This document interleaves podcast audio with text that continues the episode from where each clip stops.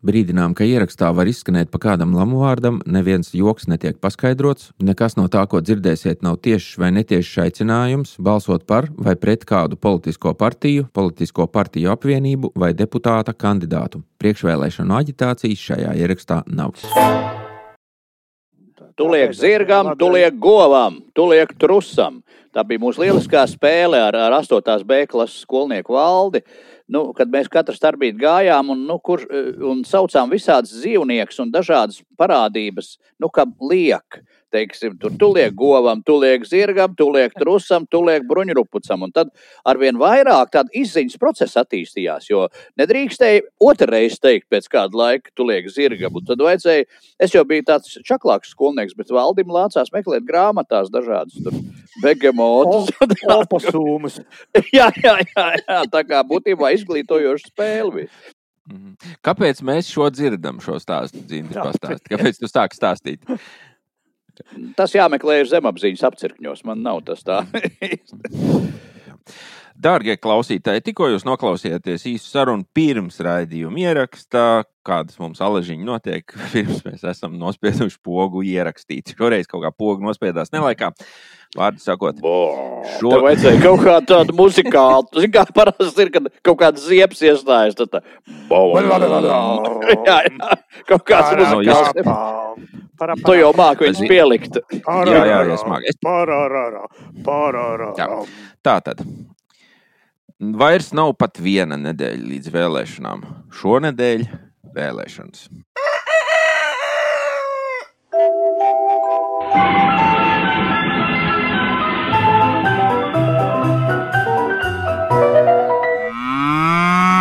Jautājumi iz provinces. Ja? Jā, jautājumi Aha. no provinces.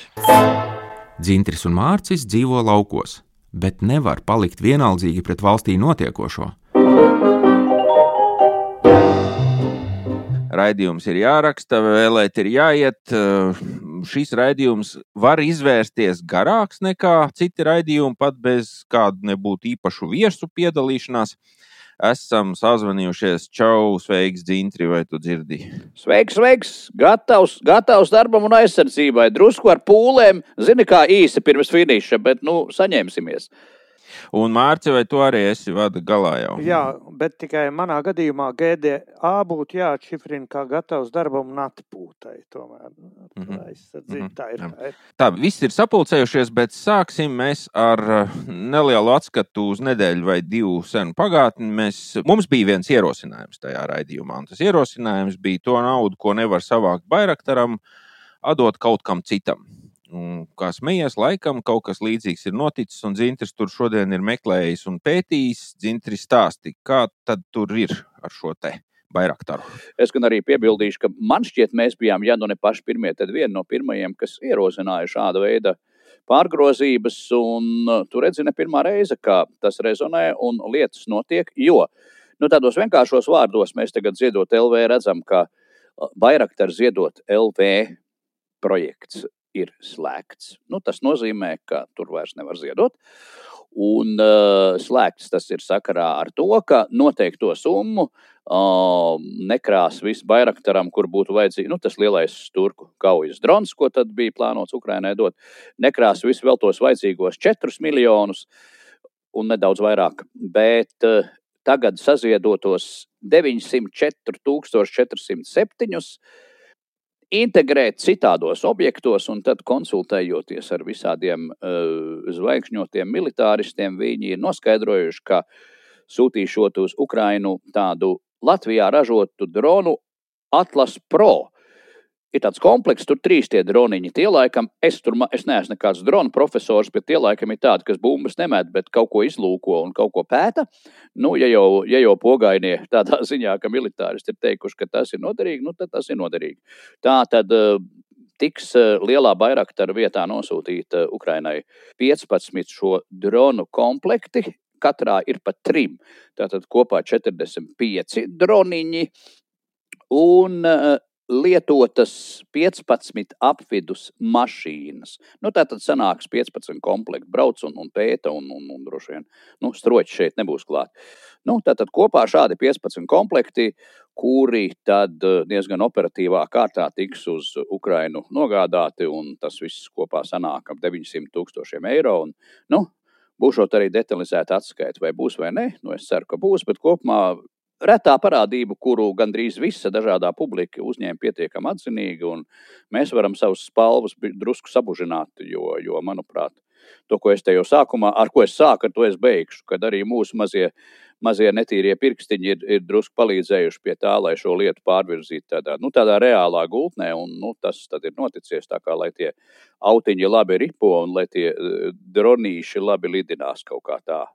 Jā, mums tas spalvas, spalvas, bet um, vai šo gadījumu var vērtēt kaut kā plašāk? Kā tas ir tā, kaut kas ir izgāzies, bet beig beigās ir sanācis labāk nekā varbūt sākumā pat bija iespējams. Vai, vai no šī var kā no fabulā kaut ko mācīties, kā tavuprāt? Reiz pirms gadiem 15. vienā seminārā mums bija jautājums, kāpēc tāda atšķirība starp attieksmi biznesā starp Latviju un Lietuvu. Jo mūsu Mēdī telpa ir vairāk eh, orientēta par deviņām desmitaļām, ir aizņemta salīdzināt mūs ar Igauniju. Rekā Igauniem ir tas, Igauniem ir šitais. Vienmēr labāk, jā, viņa. Tur o, jā, jā, bet tur bija uh, ar reāliem cilvēkiem, kas strādā biznesā, kuriem bija kontakti gan ar Zviedriju, gan ar Poliju, gan ar Lietuvu, un tika izvilkts viens kā tāda ilustrācija, kā simbols, viens raksturīgs piemērs kas bija spēkā tajā laikā, un savā ziņā es to atcerējos tagad sakarā ar šo te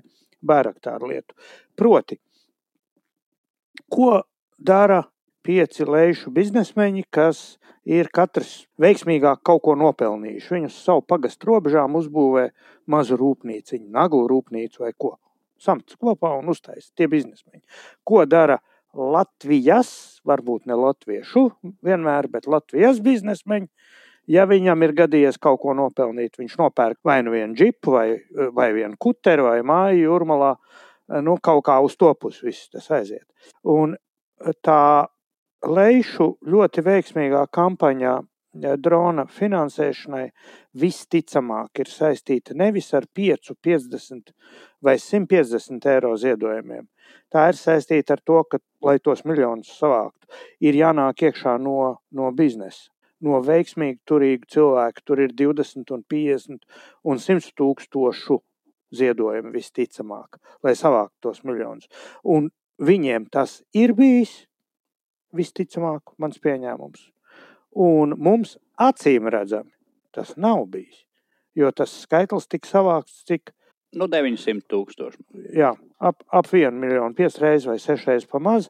Un tas rāda to, ka mēs kā sabiedrība esam kā cilvēki emocionālajā savā sadaļā, mēs esam pietiekoši veselīgi vēl.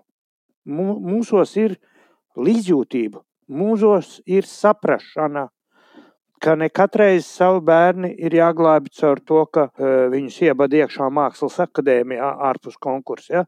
Ka šobrīd mēs savus bērnus un mazbērnus vislabāk varam aizstāvēt palīdzot Ukraiņiem kaut vai ar mazumiņu. No Latvijas 1,8 miljoniem iedzīvotāju, starp kuriem pārsimt tūkstoši ir tādu, kas drīzāk ietu, ietu šaut Ukraiņus nekā, nekā aizstāvēt, tad iznāk, ka nu, no tiem atlikušiem tas miljons ir savākts. Ja? Tas skaitlis, ja tas ir individuāli savākts, ir pietiekoši cerīgs. Uh, nu, tā, tā vēsture, viss tas notikuma ritms, manī vieš vairāk optimismu nekā pesimismu. Tā, tas, kas mūs atšķir no lēšiem, joprojām, ka mums tā, tas vidējais slānis, vidēji biezais slānis ir par mazu, visticamāk. Tur ir tā ķēze. Bet, kā tu teici, zīmīga sakritība. Nu, apmēram tas teksts ir, zini, kas sakrita, ko meistars Volāns Maskavā tajā savā uzstāšanās reizē, tajā, tajā uh, operetes teātrī, kur viņš tur taisīja tos fokusus, un viņi norāva galu tam programmas vadītājam, bet tā publika lūdza, lai liek apakaļ, un tad viņš skatījās uz Maskavas publiku, teica, jā, šajā publikā vēl ar vienu līdzjūtību mājo. Interesanti, ko viņš, nu, tu teici Volanda vārdus apmēram. Ko viņš tagad teikt? Nē, nu, Maskavas publikai. Tur arī bija viena tāda raksturīga tā uh, 20. gada tā frāze, ka, nu, ka vispār tie maskaviešu cilvēki, kā cilvēki, tik dzīvokļu jautājums viņš ir galīgi samērķis. Ja? jā, jā, jā. Un- jā. Un eh, mu- mums eh, šis sanāk kopā ar šo mūsu raidījumu pamattēmu. Mums jau var Latvijā iznāk, ka ir cilvēki kā cilvēki. Nu, tik tās, tā politika, tās vēlēšanas viss sačakarē, vai ne? Ja līdz tam cilvēki nu, tur kopā iet kaut kur, tur iet alu iedzert un, un kādas talkas, vai tur, nezinu, iet sēņot kopā vai kā, bet uz vēlēšanām, kas tik izrādās? Tas ir, nē, tas ir kretīns, nē, šitais ir kretīns. Un- Sēnēs mežā ieiet kopā, me, me, mežā ieiet kopā, bet nāk ārā atsevišķi. Jā. Salabājušies un mazrunīgi. Un kas raksturīgi, mēs darīsim to pašu šodienas raidījuma gaitā. Pirms mēs ejam tālāk un tuvāk mūsu garajai vēlēšanu sarunai, kas bez šaubām būs šī raidījuma lielākā daļa, un, un, un pēc kāda brīža es gribu atgriezties pie pieminētā pie tavas mārciņas frāzes pa mazumiņam. Un, tā, un tāds pa mazumiņam tieši Ukrainas un ziedojuma sakarā ir noticis arī no dzintra puses. Viņš ir saņēmies un piedalās mūsu prognožu vēlēšanu speciālajā spēlē, bet nevis kā dalībnieks, bet ar ierosinājumu tieši pa mazumiņam. Tad viņš ir ieviesis savu kaut kādu draugu kontu, iedevis tur, kur, kur ziedot naudu. Pastāstiet, kas tas ir, ko tu tur mums ieteici un ko mēs esam ielikuši divos vārdos. Manuprāt, tas ir arī tajā ziedojuma tekstā minēts, ka tie ir konkrētas apakšvienības cilvēki, konkrētā virzienā, visai smagajā Bahmutas virzienā, Doņetskas apgabalā, kuri, kā es saprotu, vistiešākā veidā piedalās kaujās. Man ir tas gods bijis dzirdēt ar viņu audio ierakstus, kur viņi sarunājas ar mūsu puišiem. E, Te ir otra veida ziedojumi. Nelielas, bet ļoti svarīgas lietas, kas nākot ziemai ir svarīgas Ukraiņas armijai. Šajā gadījumā runa ir par ziemas ekipējumu, visu pilnībā no zābakiem līdz cepurei un, un zeķiem un es nezinu, apenēm un vispārējo. Tur ir vajadzīgi 20, 10 jau ir. Nu, un tad mēs visi kopā par mazumiņām varbūt varētu pielikt klāt vēl tos otrus desmit. Tās ir tādas lietas, ko arī vēlēšanu priekšvakarā nevar aizmirst un palaist garām. Un līdz ar to tas, tas mazais, ļoti praktiskais devums šeit būtu ļoti nozīmīgs. Kā, nu, tad mēs esam mazu, mazu gabaliņu palīdzējuši nu, kādus ukraiņu triecienu vai žargonā šturmoviku apakšvienības ekipējumam, kuriem tas ikdienā ļoti, ļoti noder. Atgādinu, šeit mēs runājam par uh, tēmu, pie kuras mēs vēl atgriezīsimies. Tā ir mūsu vēlēšana speciālā spēle, uh, vēlēšana iznākuma prognozēšana. Tur ir uh, noteikumi, ka visiem dalībniekiem dalības maksa faktiski ir ziedojumi. Mēs esam savā šīs spēles mājaslapā norādījuši tos iespējamos ziedojumu mērķus. Mums tā kā ēdienu karte mums ir, vai ne? Tur, tur var izvēlēties. Jā, Var arī jā, divas ēdienas, un visas Jā, trīs. Un, protams, ziedot drīkst arī tie, kuri nepiedalās vēlēšanu speciālajā spēlē. Labi, ejam tālāk. Pagājušās nedēļas notikums, protams, visu prātos ir vēlēšanas, bet tur pa vidu jaucās viena tēma. Tas ir Krievi iekšā, Krievi ārā.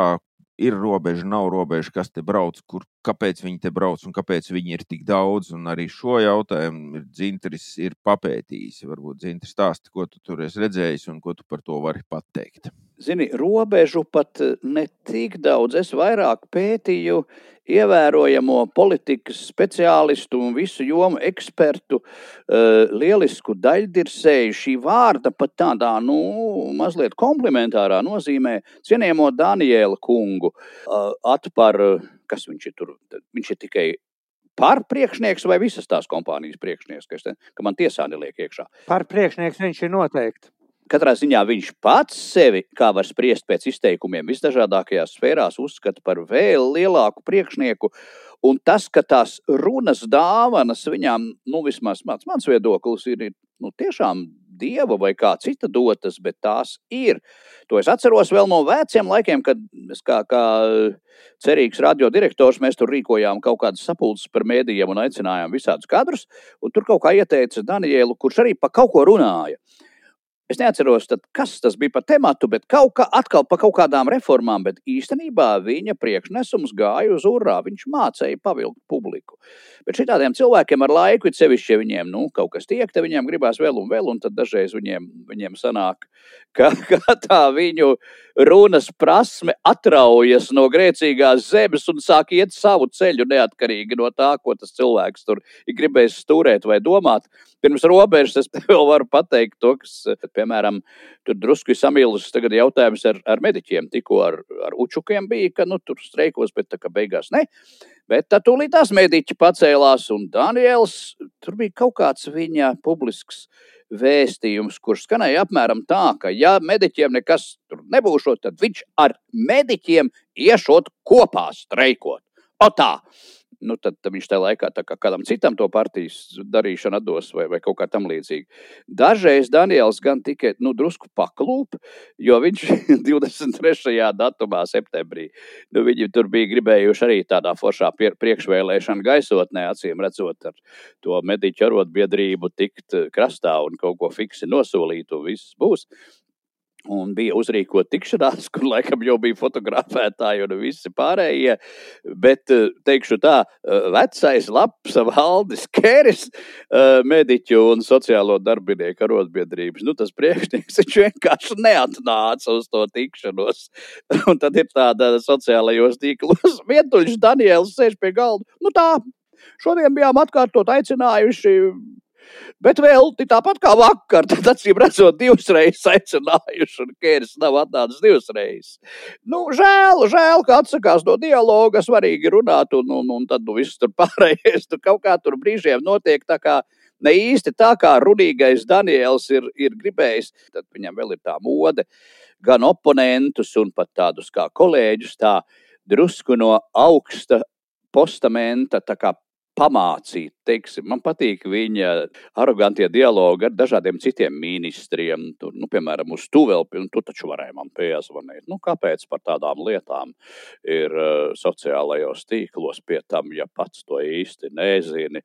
Daniels rādās tais, tajās sarunās publiskajās visu laiku kā tāds, es teiktu, tāds augstu stāvošs pārraudzītājs nu, kurš ar kaut kādiem ierindas, nu, teiksim, mēnešu laiku kontekstā, tādiem ierindas čangaliešiem ir ieradies pie tiesas, nu, teiksim, tajās priekšvēlēšana debatēs, un tad viņš eh, palīdz gan tiem čangaliešiem saprast, ko tie tiesas kungi saka, gan arī otrādi un pats uzmesties par tādu jomas labāko pārraudzītāju. Atceros vienu diskusiju par veselību, kur viņš visu laiku metās starpā ar šitiem. Nu, tas jau sēdi ir ieviests, to jau mēs virzījām.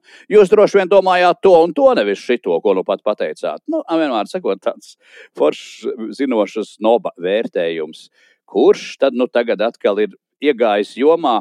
Nu, politikā nu, vai nu nemaz vai reti ir tas gadījums, ka kāds ministrs mauc otra ministra lauciņā tā pilnīgi un galīgi. Kā jūs zināt, Eklona kungs, ģenerālis ar somu galvā, kā mēs te sakām, ir nu, iekšlietu ministrs. Nu, var dažādi vērtēt, bet nu, iekšlietu ministrs viņš ir un kā nu prasdams kaut ko tur saka. Bija izcēlusies brēka, kā Juris sākumā rezonēja par to, ka nu, tie krieviņi te brauc iekšā lielām masām un ir bažas, ka neviens uz tās austrumu robežas tā kā nekontrolē un uh, Eklons saka, ka kontrolē gan, un tad parādās iekšlietu ministrijas tāds publiskots ziņojums. Nu, tur ir apmēram tā. Iekšlietu ministrs Kristaps Eklons saka, ka mobilizācija Krievijā nav pamats patvērumu pieprasīšanai Latvijā.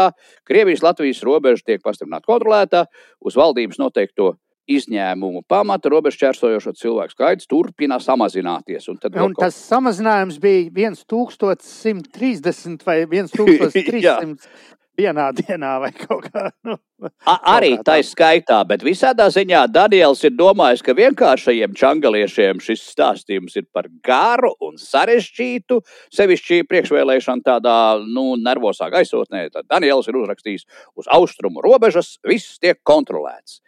Viss tiek kontrolēts. Smieklīgi zālē. Pirmkārt, jau nu, parasti jau tie ministri, kā, nu, cik es zinu, viens otru lauciņā iekšā nebrauc. Nu, būtu teicis, tur taisnība Eklona kungam vai, vai tā, bet nu, viņš tā kā īsu un pamatīgu čupu noliek beigu beigās, ko visi var aplūkot un interesēties, ko tad lieliskais daļdirsējs, piedodiet, Daniels, zina un domā par austrumu robežu. Viss tiek kontrolēts. Tikai aktu nelaime. Zini, sanāk tāpat kā ar to viltīgo kēri, kurš neatnāca uz sarunu.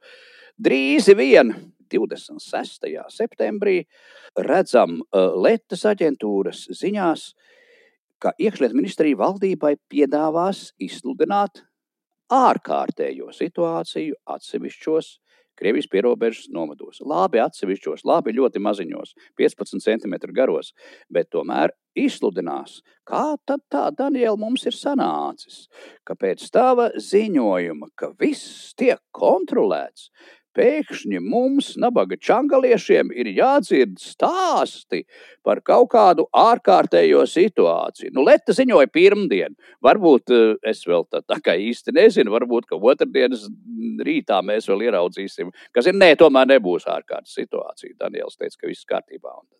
Daži pasteigušies, un tā nevajadzētu.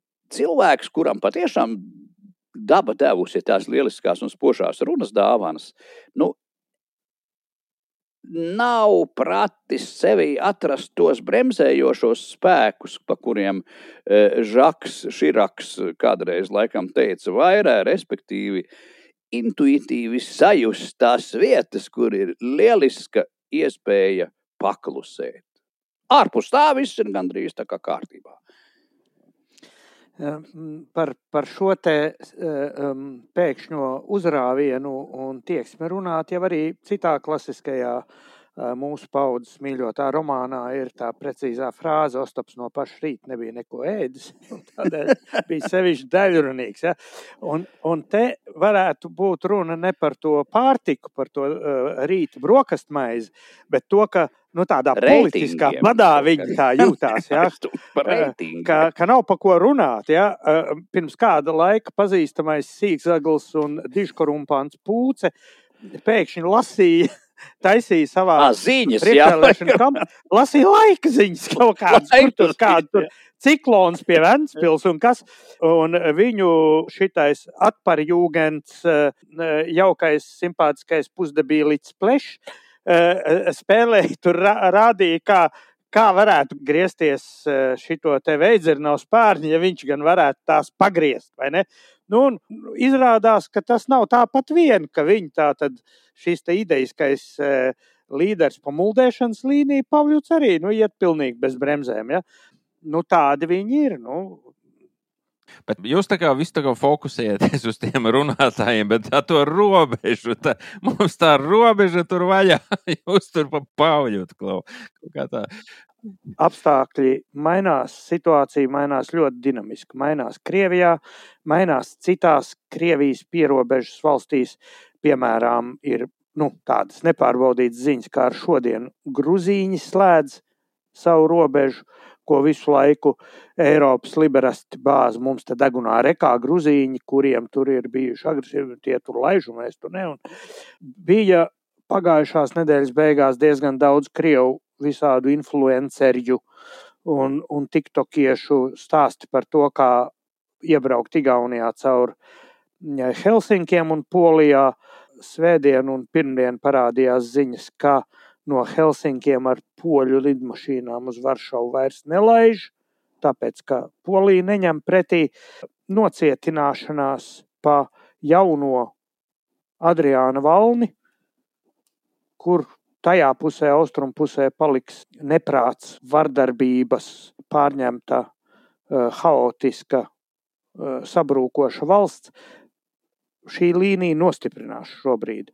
Un nebūtu brīnums, ka kaut ko izdarījis arī šajās pēdējās priekšvēlēšana dienās mūsu citkārt pamīlīgā valdība. Tas, kas netiks izlabots, visticamāk, ir šī iespēja, Krievijas pilsoņiem, Latvijā rezidējošiem Krievijas pilsoņiem piesaukt ģimeņa apvienošanos un vilkt šeit iekšā radniekus.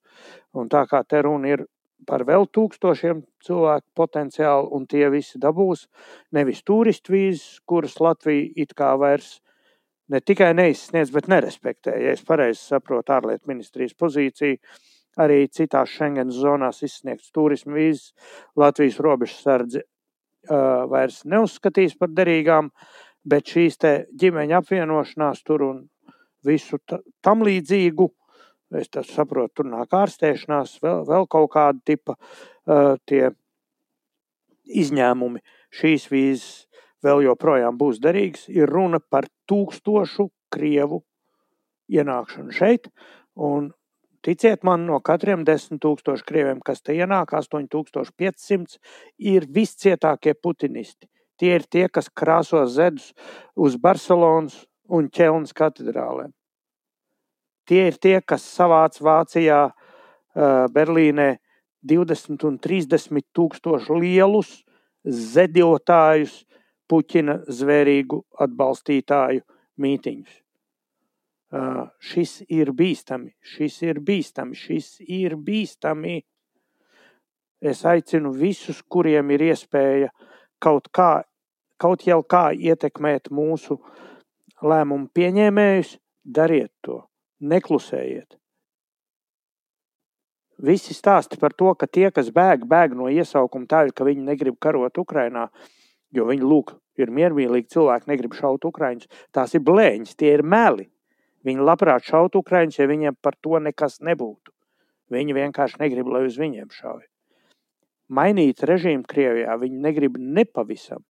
Un kas ir raksturīgi visām Krievu invāzijām, lai ar kādiem iemesliem viņi te būtu atbraukuši, vai ar tanku, vai e, pensionējies kā armijas pensionārs, vai atbraucis būvēt pļaviņu vai, vai Rīgas hesu, visiem viņiem ir viena milzu kopīga īpašība. Viņi nekad neaizbrauc. Un atgriežoties pie mūsu aicinājuma m, mm, ietekmēt vai izdarīt spiedienu visu iespējamo uz tiem, kas neko nedara. Mēs vēlreiz atgriežamies pie tiem, kas neko nedara. Tie ir tie, kas šobrīd Twitterī raksta, ka stāvoklis uz robežas ir tiek kontrolēts, ka viss ir kontrolēts. Jā, jā. Tie, viss ir zem kontrols. Tikai nu, 1300 cilvēki ienākuši jā, tur pa dažām dienām. 300 cilvēki dienā ir 10 tūkstoši mēnesī. Cilvēki mīļie, atjēdzieties! Mēs, mēs nevaram to atļauties. Pēdējā laikā mums reti sanāk pieminēt visādas citas valsts, bet um, ir vēl laikam šīs tās jāpiemina šajā nedēļā, vai burtiski šajās dienās, šodien ir pirmdiena, kad mēs rakstām, šodien noskaidrojās, ka ir dažas valsts, kurās eh, notikumi ir tādi, kuriem vajadzētu vai būtu pamats izraisīt mūsu interesi. Un mēs runājam par Itāliju, un droši vien ja Mārcis Sīs pastāstīs, Eh, kāpēc tas ir svarīgi? Pirms kāda laika bija vēlēšanas Zviedrijā, kur pēc vairākiem mēģinājumiem uzvarējusi labējā koalīcija, nu, uzvarējusi nu, tā, tā, tā, piestiept tur burtiski laikam ar, ne, viņiem vienu vietu vairāk ir tāda tur tajā Riksdagā vai kā. Uh, labējā koalīcija, kuras virzošais spēks vairs nav moderāti, kas ir bijusi ilgstoši tā labējā partija, labējā centriskā, ar ko mums ir bijis darīšana. Bet šobrīd tā, tā vadošā vieta tur ir partijai, kuru, kuras nosaukums ir ļoti vienkāršs, un es tādu putroju Zviedrijas demokrāti. Zviedru demokrāti. Tā būtu laikam. Zviedru demokrāti, jā, kuru visa liberastu prese ļoti sirsnīgi lamā par fašistiem, nacistiem, tur, ekstrēmistiem un, un visādi tā. Nu, ko tā lamāšana ir vērta, mēs diezgan labi tagad varam redzēt mūsu pašu rūčekistes ilgstoši Azovas varoņus lamāja par nacistiem. Caur to gatavoja viņiem to Mariupols tiesas zāli, par ko šīm te rūčekistēm, es domāju, arī kopā ar visiem krievu neliešiem būs jāstājas tribunāla priekšā. Tas ir cits jautājums.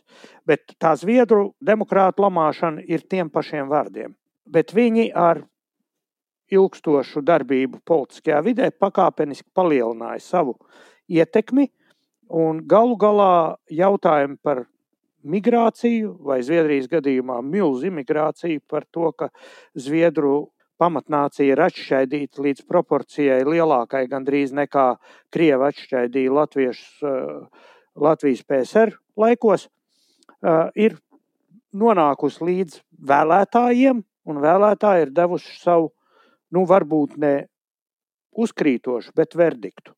Un līdzīgi notikumi ir attīstījušies arī Itālijā.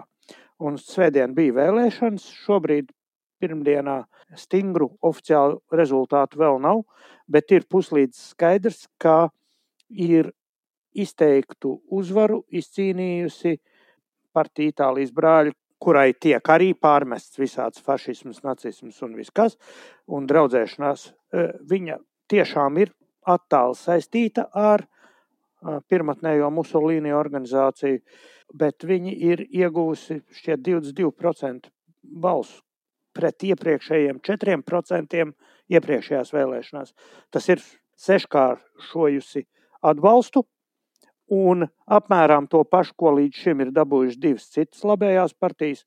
Vienu vada simtsgadīgais Puķina sabutiļņiks Berlusconi, un otru vada Puķina dirs lezītājs Salvīnī. Tā kā tur tā kompānija ir pietiekoši raiba, bet pati sagaidāms nākošā premjera ir cita starpā izteikusies attiecībā par eiro, ka viņi nekur no eirozonas netaisās, un attiecībā par karu, ka viņa atbalsta sankciju saglabāšanu attiecībā pret Krieviju. Tas ir tas, kas tur tagad notiks tuvākajās dienās, ir ļoti nozīmīgi vienotajai Eiropas frontē kuras mīkstākais elements joprojām ir Vācija, kas apkalpo Krieviju, kā saka, piecos veidos ar maigu franču pieblēšanu. Vai Krievijam gāžot šo te Mario Dragī valdību, un viņi to izdarīja neapšaubām, bija prātā šāds rezultāts, ka pie varas tiks cilvēks pietiekoši neatkarīgs un tāds, kurš vismaz pirmajā brīdī neiestājas par par labu Krievijai tīrā veidā. Paskatīsimies, jebkurā gadījumā turbulence, Zviedrijas notikuma vēlēšanas, Itālijas notikuma, Anglijas valdības iepriekšējā krišana, Boris Džonsona novākšana par dzeršanu darba laikā un uh, jaunās valdības izveidošana ļoti tādā, nu, negaidītā un, un krāšņā kombinācijā. Šis viss rada reālas bažas par to, kas notiks karā. Jo Briti līdz šim bija visciešākie, visstingrākie, visnopietnākie uh, Ukraiņas sabiedrotie. Ja kaut kas novibrē uh, Lielbritānijā, ja, ja kaut kas novibrē pavisam negāns Itālijā, kas izveidos varbūt citu spēku samēru Eiropas Savienībā, ka jaunā asa, kas ir Polija plus Baltijas valsts plus kaut kādā ziņā Somija, vairs nevarēs to spiedienu noturēt, situācija var kļūt nepavisam netik optimistiski, kā mēs uz to skatījāmies pēc Harkovas eh, operācijas panākumiem. Mums ir jābūt ļoti tramīgiem, mums ir jābūt uzmanīgiem, mums jābūt apņēmīgiem, palīdzēt Ukrainai, palīdzēt savai valdībai. Jūs vispār dzirdat, ko es runāju? es kaut kāds vaiprāts, jā. To te vajag atkārtot vairākas reizes, ka viņš to saka. Jā, mūsu valdības ārpolitika ir ļoti pareiza šobrīd. Un ja valdības ārpolitika ir pareiza, nu tad uh, nu, tad jāpalīdz šai politikai. Mēs varam palīdzēt tikai caur atbalstu šai valdībai, kura nu, droši vien ir pēdējos mēnešus pie, pie ruļļiem, jo atšķirībā no tiem visiem murgiem, kas notiek izglītībā un, un citās jomās, un, un visu to putru, kas ir ekonomikā un gāzes lietās un tā tālāk, ne, neko tur daudz labot nevar, bet var nesačakarēt mūsu ārpolitiku, kur šobrīd ir pareiza. Bet kas ar, tagad ar Zviedriju? Vai tas var ietekmēt Zviedrijas un NATO attiecības? Labvēlīgi. Nu, labvēlīga šī valdības maiņa. Nu, viņi nevar teikt, ka nu, tomēr, ziniet, nestāsies viss, mēs tomēr to neutralitāti. Tā ir tik forša. Nē, nē, nē, nē. nē. šitie galīgi nav tie. Tā, tur jau tas brīnums, Aha. ka sociāldemokrāti bija tik ļoti piespiesti pie zemes. Un viņi cerēja, varbūt ar to iestāšanos NATO, ka viņi iz, izvilks vēlēšanas. Tur tas ir beigts un nobimbāts. Pie kam ļoti svarīgi, ja nu, salīdzinot nu, teiksim, Somijas politiku. Visi zina, ka viņa gadu gadiem bijusi draudzīga, tāda izlīkstoša Krievija, tur Pasikivija līnija, visa šī finlandizācija. Bet tai pašā laikā militārie cilvēki diezgan efektīvi aizmugurē vilka cauri savu politiku, ar bumbu patvērtņu uzturēšanu, ar, ar visspēcīgākās kara gaisa flotes izveidi. Somijai šobrīd ir vismodernākā kara flote pasaulē. Viņiem ir tikai F-35. Visas modernākās lidmašīnas pasaulē, kādas var būt. Līdzīgi notikumi galu galā arī bija Lielbritānijā. Tur bija ilgstoša laboristu valdība, un tajā pašā laikā militāristi darīja savējo arī pie nogrieztiem budžetiem. Viņi darīja savu. Šajā ziņā tā NATO saimniecība nav tas pats, kas Eiropas Savienība, un tur lietas notiek drusku citādi. Tā ir varbūt mana naivā cerība. Nu, un Itālijas pusē Viņi arī neuzdrošināsies gal galā. Viņi, viņi muldēs daudz, tur būs liela muldēšana dzirdama. Bet, uh, Viņiem ir jālaipo attiecībā pret Eiropu. Jā. Jo viņiem ir jā. pārāk liels ārējais parāds, un lielā mērā viņu parādi ir finansējusi Eiropas Savienība. Covid laikā ir iedavusi tur nestik miljardus, un viņi, viņi, nevar, viņi nevar Eiropu sūtīt, viņiem ar Eiropu jārunājās. Vanderleina jau te nāca paziņojumu, ka tur, lai tur itāļi neiedomājās, ka, ja kas mums pietiks instrumenti, jūs tur savaldīt. Nu jā, ja? bet katrā ziņā tie nav tos draudi. Stroķus Ukrainai, viņi, viņi tur, jūs ziniet, zēni, viņi ir kaut ko sūtījuši vispār? Vai, vai, vai? Viņi ir, viņi dod, viņi ah. dod, viņi dod bez liela trokšņa, bet viņi dod. Mm. Viņi, viņi nav devuši viņi nav iedevuši to, ko Ukrāņi visvairāk tādu pārdzīvo, ir nu, par tankiem. Ja? tanki nav no itāļiem bijuši. Bet visādi citādi itāļi dod uh, artēriju. Nu, to mēs skatīsimies. Uh, itāļi galīgi nav. Uh, nu, kā saka, pēdējās divās vietās ir Kipra un, un Vācija. Tas ir nav tā, ka vācieši neko nedara. Tā tas nav. Bet pie viņas milzu ekonomikas, ka viņi kārtējo reizi ir izdomājuši kārtējo iemeslu, kādēļ nedot tankus, nu, kas ir nu, vēl smieklīgāk nekā pleša stāsts par to, Eh, par tām eh, šīm te eh, pude, par pudeļu ieviešanu. Nē, par pudeļu ieviešanu visu laiku nevarēja tā, un, un, nu, Šolts plešu tādā ziņā par šito līniju ļoti līdzīga ir. Bet, bet kopumā Vācijas palīdzība absolūtos skaitļos ir, plus viņi maksā, viņi dod naudu Ukrainai. Viņi dod naudu Ukrainai. Tā kā nevajadzētu te noniecināt. Te katrs, katra palīdzība Ukrainai ir noderīga. Ik katra. Ik katra. Tā, tā tad um, esam pametuši apkārt skatu pa Eiropu, un tagad atpakaļ Latvijā un, un ķeramies pie tā, kas nu, mūsu šīs dienas un šīs nedēļas tā sāpe un mūsu uzmanības centrā vēlēšanas. Droši vien sāksim ar tēmām, kuras izrādās, vai varbūt šķiet, ir jāatgādina vēlreiz. Tad, Mārci, kas ir tas, kas, ko vajadzētu atcerēties vai ņemt vērā cilvēkiem, kuri domā par to, ko viņi tur nobalsos un ar ko tas beidzās un kāda tam ir nozīme? Jā, varbūt sāksim ar to, ko nozīmē, ja nenobalso. Ja cilvēks nenobalso, kas vispār ir viņa tiesības, viņa balss iztrūkst, Un iznāk, ka viņam ir jāpieņem vēlēšana rezultāts tāds, kādu to pieņem tie, kuri aiziet balsot. Tie, kuri negrib iet balsot, jo viņiem riebjās kariņš ar reiru, jūs dabūsiet kariņu. Eh, nu, nu, būs saimā. Nu, es nezinu, vai būs 20 vietas, vai 10 vai 30. Nav svarīgi, bet būs. Un tas būs jūsu dalības rezultāts. Jo, ja jūs nepiedalāties, jūsu vietā piedalās citi. Tas pats, gandrīz tas pats, notiek, ja jūs piedalāties vēlēšanās, bet jūsu derīgajā aploksnē nav derīga balss. Piemēram, tukša aploksne, piemēram, vairāki saraksti, piemēram, eh, saraksts saplēsts un ne, nesalasāms. Piecītis, piecītis pielikts klāt. Jā, vai pasi ielikt iekšā, kā gadās, kad cilvēki iemet savu pasu aplūksnē. Tā tad jūsu iztrūkstošā balss iedarbojas uz vēlēšanu rezultātu gandrīz tāpat kā neaiziešana uz vēlēšanām, ar to mazo teorētiski iespējamo, bet praktiski ārkārtīgi masticamo situāciju, ka ja tādu ir desmitiem tūkstoši kā jūs, tad tas pamaina 5% barjeru.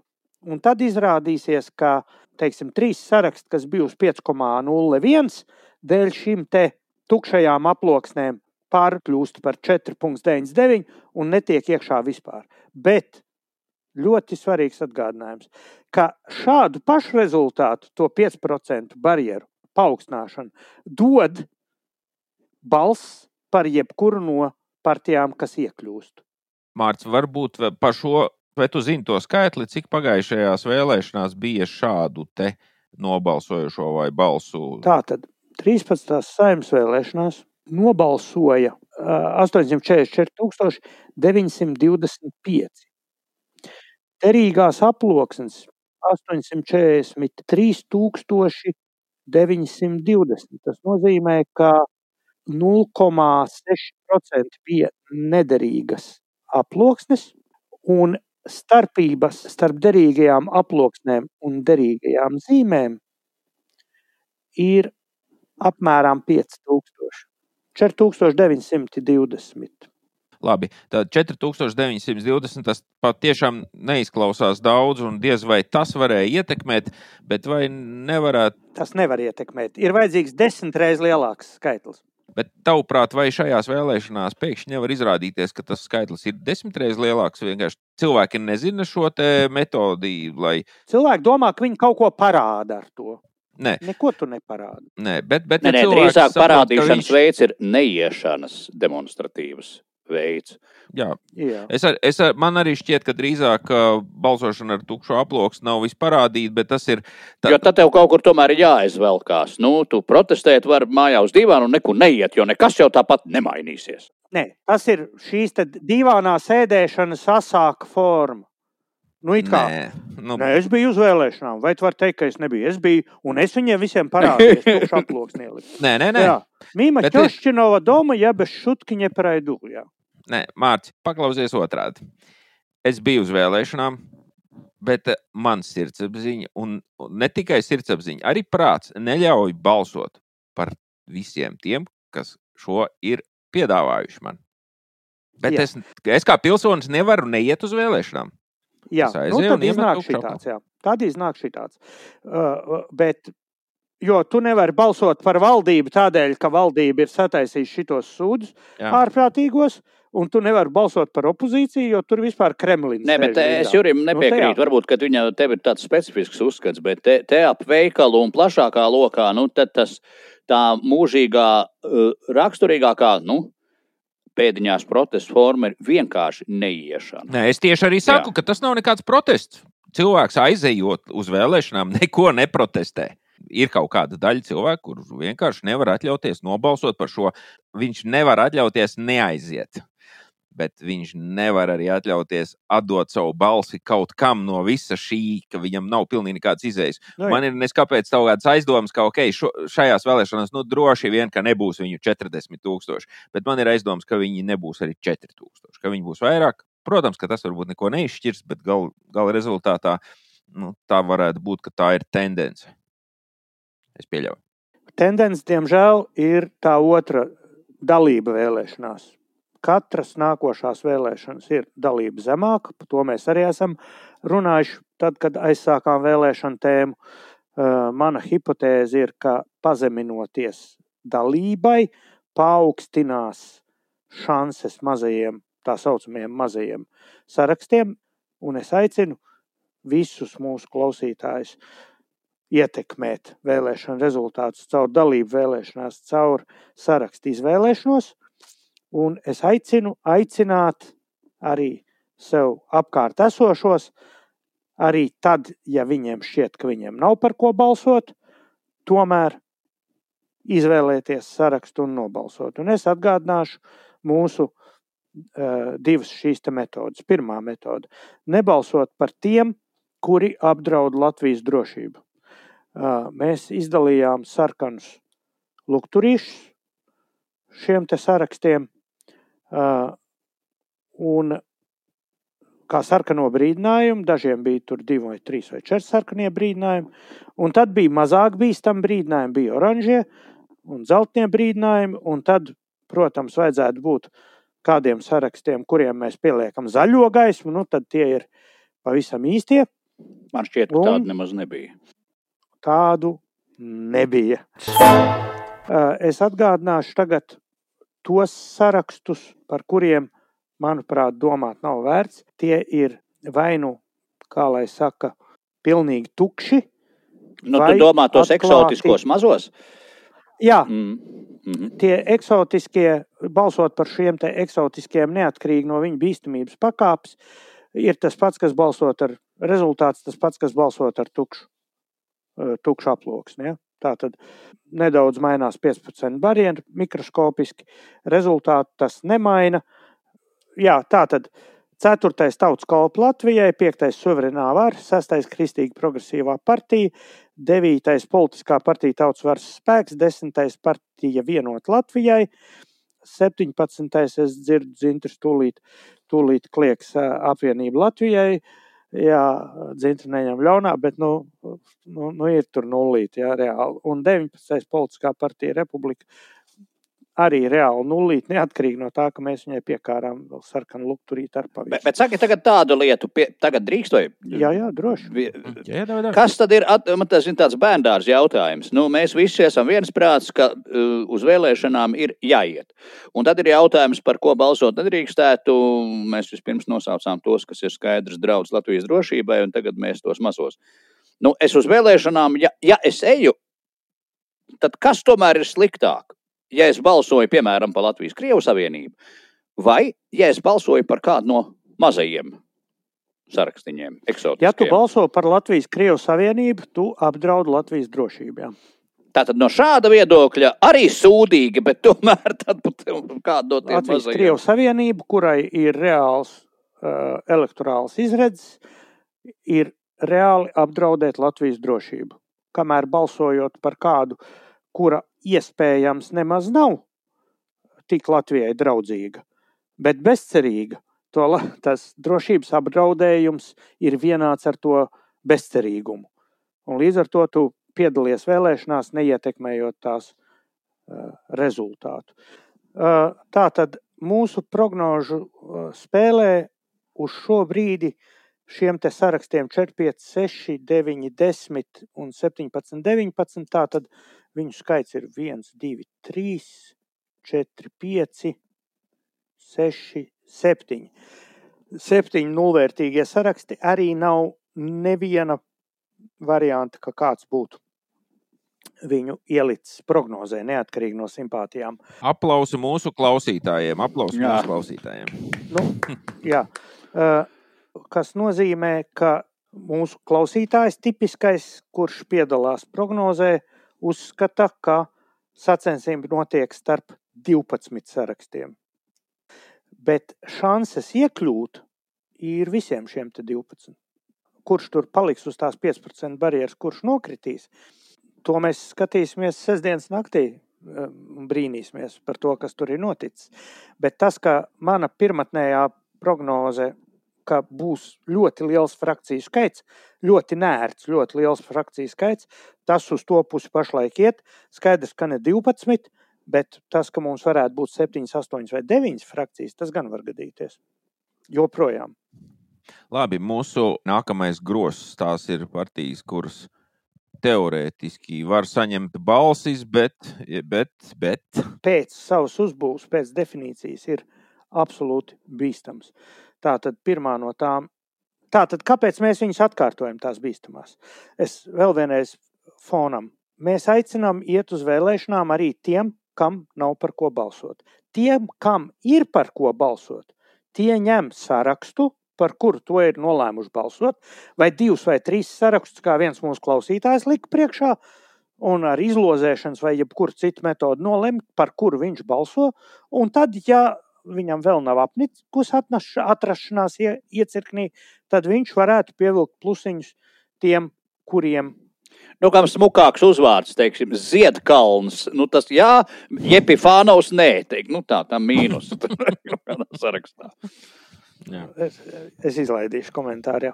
Tā tad uh, pievilkt plusiņus un svi, izdarīt svītrojumus.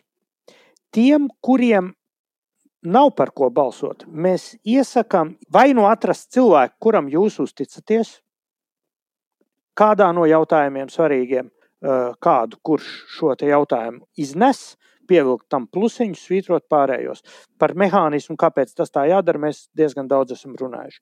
Bet tas galvenais ir, ka tiem, kam nav par ko balsot, it kā, jo par opozīciju nevar, jo tā tur ir baigi šitāda, un pa valdību nevar, jo kur tad pa šitiem te taču nevar balsot, jo viņi visi sačakarējuši, ir jāizvēlas kāds no sarakstiem, un tā tad mūsu pirmais ieteikums neņemt tos nulvērtīgos, kuru skaits tā tad ir septiņi. Otrais ir neizvēlēties no tiem, kam mēs esam pielikuši trīs sarkanos lukturīšus, totāls bīstamības, valsts apdraudējuma dēļ, kas staro no otrā saraksta, kas ir Latvijas Krievijas Savienība, kas staro drusku mazākā mērā un tomēr no saskaņas, kas zvērīgi staro ka ne vēl pat vairāk kā no Latvijas Krievijas Savienības, ir no Rosļikova astotais, astotais saraksts, kā viņa, viņa nosaukums bija kaut kā arī izsauciena galā. Stabilitāte laikam, ja. Drusku mazāk, drusku mazāk, un tomēr ļoti spēcīgs apdraudējums nāk no 12. saraksta Latvija pirmajā vietā – tās partijas uzbūve vienmēr ir bijusi virzīta uz būt par saskaņas, par labo saskaņu. Ka ir sliktā saskaņa, kas draudzējas ar Maskavu nepareizi, un tad ir labā saskaņa, proti, Šlesers, kas ar Maskavu draudzējas pareizi. Un arī no šī viedokļa politiskā partija katram un katrai 14. saraksts, tas ir gobzemes saraksts, kurš ir vienkārši bīstams un kur pieder arī progresīvie It īpaši, ja tagad mēs atceramies šo diskusiju par militāro dienestu un valodas jautājumu, eh, balstiesības vēlēšanās nepilsoņiem, progresīvo bīstamība ir drusciņš zemāka, bet tūdaļ pat tajā tieši valsts drošības nozīmē. Tālāk, manā pārliecībā, ļoti augsta bīstamība var būt ne tieši militārās un robežas un valsts dienas ziņā, ir divām relatīvi populārām partijām. Un proti, tā ir Zaļo un Zemnieku savienība, trešais numurs. Dēļ tā, ka tur ir savākti, savākušies cilvēki, kas visādi citādi it kā vairs pie varas netiek, bet caur šo viņi pie varas grib tikt, maskējoties par jaunajiem, kas īstenībā ir visdrūmākais stagnācijas nesējs un viņi apdraud mūsu valsti mūsu sabiedrību. Caur puvi, caur smaku, caur sastāvēšanos. Un pie šiem pieder konservatīvie 13. saraksts. Viņi apdraud valsti ar visu to, kādi viņi ir. Cik melīgi, nodevīgi, nelietīgi, miljonus sev apakšā grābjoši viņi ir. Plus tam visam, viss, kas attiecas uz tiesu varas eh, sačakarēšanu, valsts drošība ir apdraudēta, ja tajā nav funkcionējošas tiesu varas. Tas ir tas, kas notika Ukrainā tajā laika posmā no gadsimta sākuma līdz 8. gadam, pēc tam līdz 14. gadam. Konservatīvie ir ārprātīgi korumpēta un nelietīga kompānija. Manās acīs viņi ir tikpat bīstami.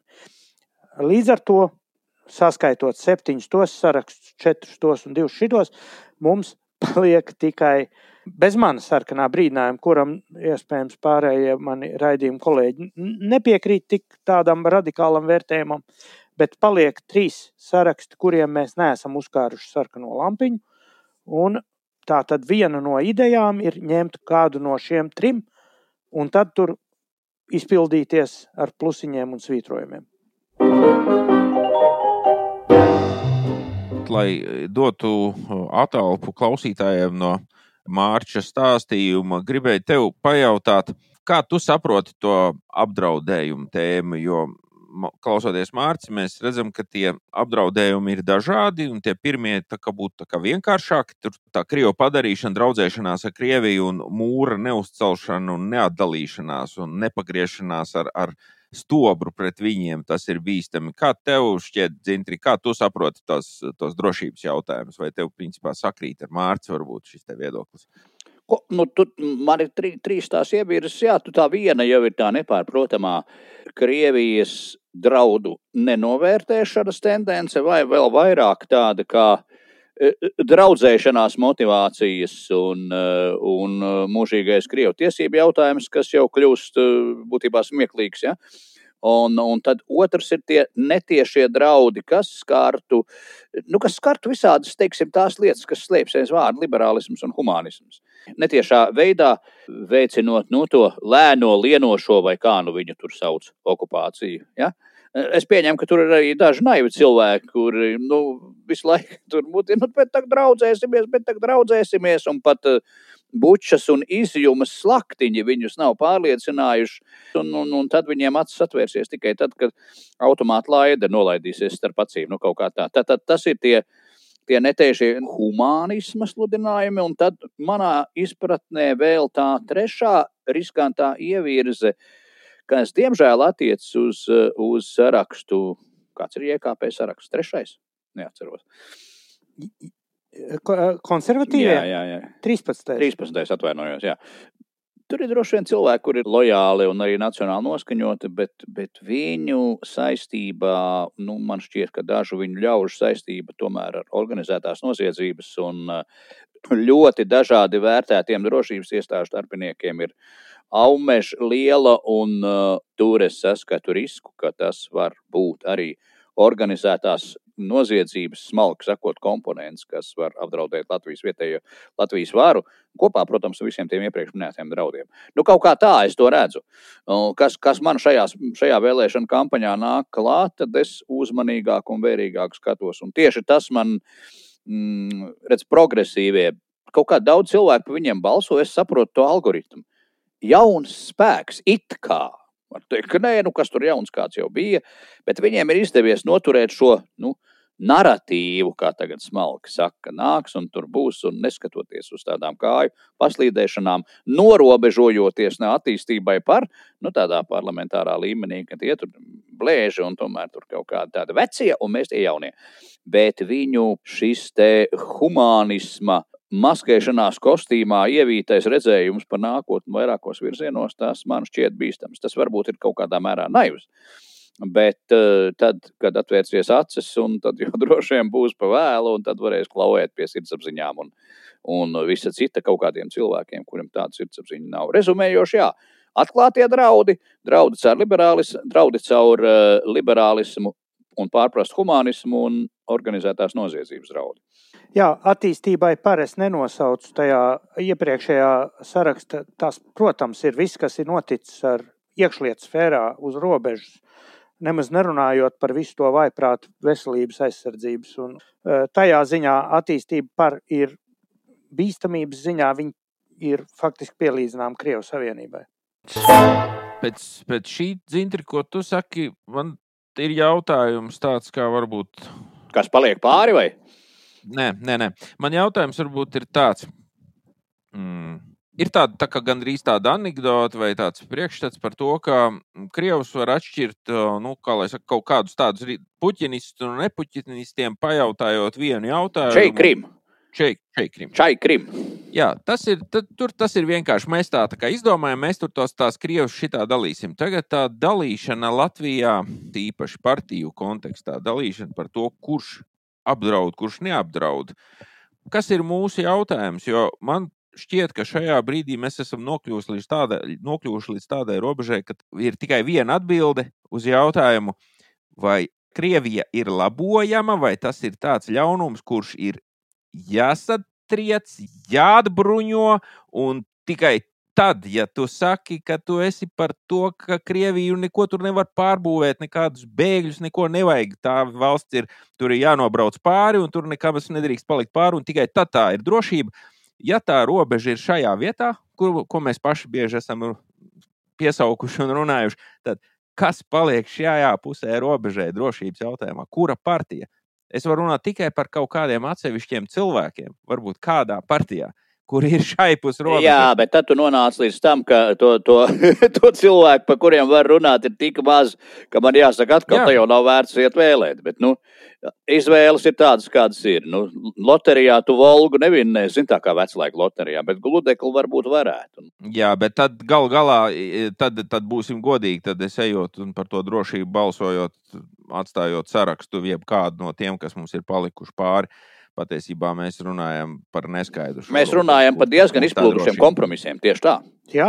Bet tie tomēr ir nu, kaut cik miglā saskatāmi iepratīm tur, kur, kur nav nekā, vai, vai zīmējas kaut kādas uh, cukā, piedodiet, uzbūrtas ainas, kurām nav nekāda pamata. Viss mūsu raidījuma uh, pēdējo sešu vai astoņu nedēļu pamattēma ir tā, nav jau par ko balsot. Nav tīras mantas šeit. Kā kādreiz kaut kādi gudrie filozofi teica, ka ja, ja reizēm ir, lai nomazgātos, jāmazgājas netīrā ūdenī. Ja? Cita nav. Un mums ir tie 19 tehniski 19, pēc būtības 12 saraksti, kuri mums ir. Mums ir tāda demokrātijas attīstības stadija, kāda nu mums ir, bet mums viņa ir. Ko nozīmē atteikties no principā demokrātiskām metodēm. Mūsu kaimiņu valsts to rāda. Eh, man neinteresē politika.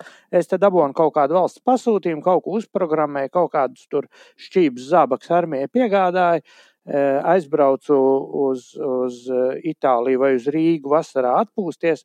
Es par politiku neinteresējos. Nafīgi tā demokrātija.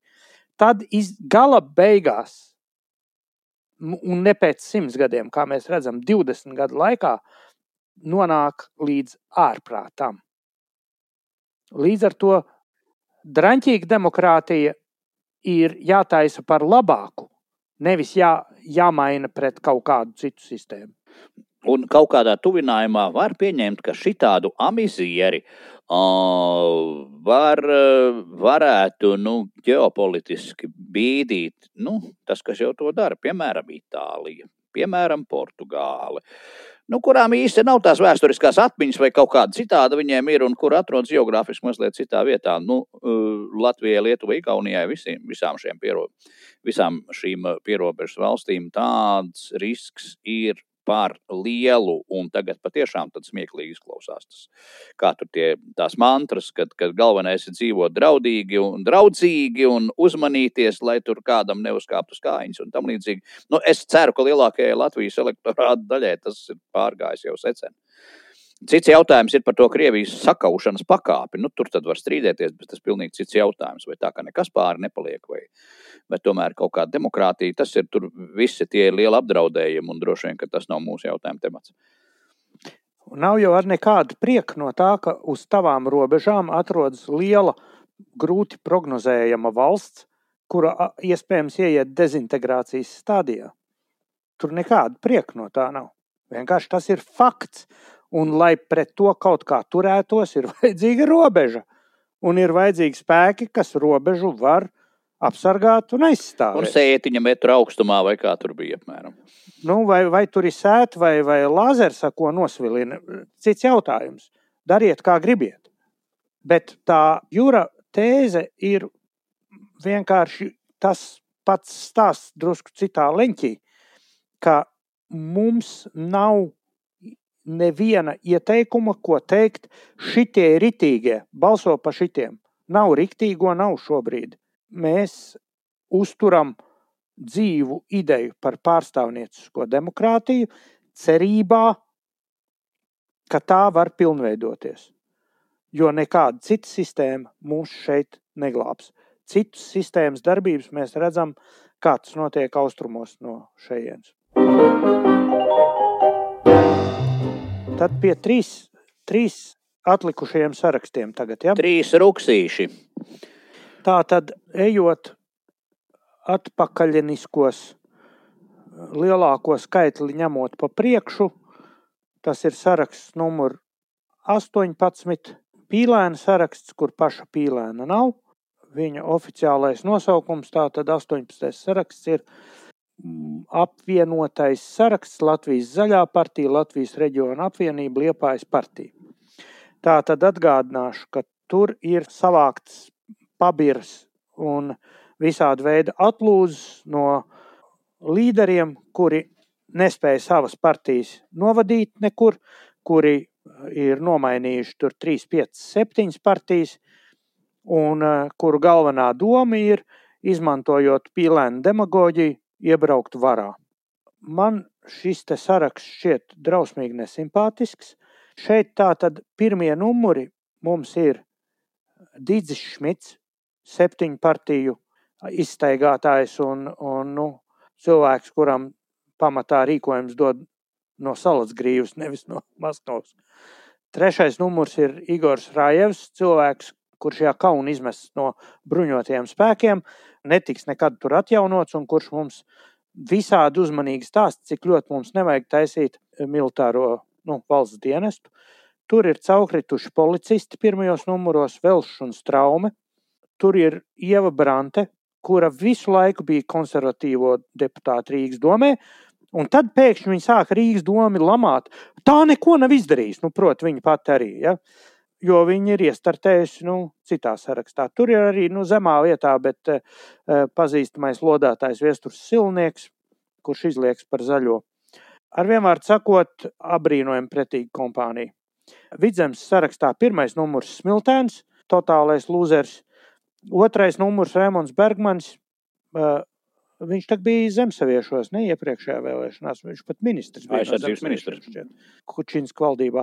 Tur kā trešais numurs ir cilvēks, ko es personīgi pazīstu, un kurš varētu būt puslīdz normāls deputāts. Nu, uz visu šī fona ir Māris Sprindžuks, ādažu domas priekšnieks. Nu, arī jau, kā saka, ne bez komatiņiem, bet, nu, Un kā raksturīgi visai šai stagnātiskajai miskastē, tur ir izpeldējis arī Gunārs Bojārs. Uh, Eh, kādreizējais sociāldemokrāta līderis. Viņš ir pēdējā vietā, man liekas, kaut kur. Jā, pēdējais numurs, 39. numurs, eh, nē, vidzemē 29.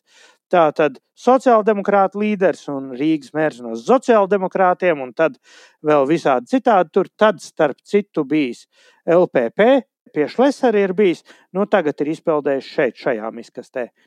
Latgals sarakstā es nepazīstu nevienu cilvēku, līdz to nevaru komentēt, bet uh, nu, vispār raksturīgi, ka nu, es nepazīstu nevienu cilvēku, tas cilvēks, kurš lasa avīzes. Kurzemes sarakstā Māris Kučinskis, vispār kādreiz cienījams cilvēks, bijušais premjers un uh, Nacionālās drošības komisijas vadītājs. Aut! Nav viņš vairs vajadzīgs Latvijai. Trešais numurs Aija Barčs, 49. gadā dzimusī pie jūras, Eh, psihiatriskās klīnikas sociālā darbiniece, arī bijusi ministre, nezinot cik partijām. Nu, nav viņa vajadzīga. Zemgala, pirmais numurs, Edgars Tavars, profila lūzers un stulbens, eh, zaļās partijas eh, sagrāvējs. Ja? Tā tad, cilvēki mīļie, ja jūs nom, tomēr domājat, ka pīlēna nabas spīdināšana ir tā vērta, lai nobalsotu par 18. sarakstu, lūdzu, svītrojiet spici ārā. Spici svītrojiet ārā. Pirmos numurus droši visus, otros, trešos pēc izjūtas izstrīposiet piecus. Pir, pirmos ar nekas slikts nenotiks. Šie cilvēki reprezentē stagnāciju. Viņi ir muldējuši, neko prātīgi nav izdarījuši ārā. Ja jūs tiešām gribat izmaiņas, ko caur 18. sarakstu, manuprāt, ir grūti nodrošināt, bet jūs tad dabūsiet iekšā varbūt cilvēkus drusciņi līdzīgus, kā, kam pieder valsts, drusciņi sakarīgāks, drusciņi izglītotāks, drusciņi pieredzējušāks, strīpojiet spici ārā mans padoms attiecībā uz 18. sarakstu. E, e, es nezinu, tur tagad, kur, kurš tur pēc kura iet tajos numuros, un tu jau raksturoji vienu daļu. Un, un tur ir arī, cik nu es dažus zinu, ka cilvēki, kuri tiešām nu, ir savas kaut kādas nozares zinātāji un kuriem ir kaut kādas idejas, bet te ir tā, tā, tas uh, otrs risks, ko es redzu, tur ir nu, tādu lielākajai daļai tādu neni, nenotikušu un ar to neapmierinātu līderu pulciņu. Jā, precīzi. Un manas bažas ir Eh, ir tās, ka daudzi no viņiem tur varbūt kaut kādā kopsapulcē slepeni vīst kulaciņus, jo viņi tad tagad sanāks konkurenti. Un vai šo nenotikušo personību ganāmpulku izdosies kaut kādā veidā savilkt kopā, un neļaut viņam izšķīst. Jo skaidrs, ka AS pretendē tā kā uz varu, un arī viņu reitingi nu, rāda, ka viņi to būtu spējīgi potenciāli sasniegt. Un tad ir atkal dimanta vārdiem, kā nu nenotiek vien tā. Nu, kāds piemērs mums jau bija priekšā, par ko mēs runājam, ka tas varbūt ir intelektuāli plauktiņu zemāk, bet var jau būt, ka augsts intelekts ir tieši katalizators tālākajiem iekšējiem strīdiem un kaislībām, kas te varētu notikt un kas te varētu notikt, katrā ziņā noteikti vairāk nekā tas varētu būt sagaidāms no JV vai NA vai pat, es nezinu, ko te vēl var nosaukt, pat atparistiem. Nu, kaut kā tā. Tā kā tā nedrošība par viņu spēju sastrādāties un saorganizēties, tas ir viens, kas man rada bet, bažas. Bet varētu būt, ka tieši tur atrodas kādi cilvēki, eh, kurus mūsu klausītāji uzskata par labiem kaut kādas tēmas uzturētājiem. Mēs viņus nepazīstam vienkārši, jo viņi ir speciālisti savā jomā kaut kur vai vides, vai, vai administrācijas, vai, vai jā, jā. kaut kādā citā jomā. Un mūsu klausītājs tomēr domā, ka nu, šis cilvēks ir ok, un viņš ir tajā sarakstā, kuram mēs esam oranžo tikai brīdinājumu pielikuši. Tad mans aicinājums ir, ja jūs uzticaties šam, šim cilvēkam, dariet to labāko. Tas ir pievelciet viņam plusiņu un svītrojiet visus, kas ir virs viņa. Augšējos. Visus, kas ir virs viņa. Ja jā, jūs skaidri zināt par ko. Ja jūs nezināt par ko, vienkārši izstrīpojiet spici. Vismaz pirmo numuru. Labāk pirmos trīs. Tad ir lielāka cerība, ka saimā ienāks kaut cik sakarīgs kaut kāds jauns pienesums. Jo tie vecie kuru koncentrācija tur ir ļoti augsta. Viņi ir stagnātiski kā Brežņeva laika kompartija, tas, tas saraksts kopumā. 11. saraksts Nacionāla apvienība visu Latvijai, Tēvzemē un Brīvībai LNK, saukt arī vienkārši par Nacionālo apvienību, manā saprašanā var diezgan droši rīkoties tieši tāpat, kā ar iepriekšējo sarakstu. Svītrot, svītrot diezgan droši no pirmos numurus. Par saviem personīgajiem komentāriem es tagad es esmu atvēris savu špikarīti. Šeit, šajā sarakstā man parādās daži, kuriem es, ja es par viņiem balsotu, es iespējams pieliktu plusiņu. Pie kam uzreiz pirmais, ko es uzšķiru, ir pirmajā trīniekā. Rīgā trešais numurs ir Rihards Kols, mūsu raidījuma viesis. Atcerieties, mums bija par okupekli bija diezgan tāds sprigans raidījums. Uh, nu, ko viņš solīja, ir izdarījis. Okupekļu vairs nav.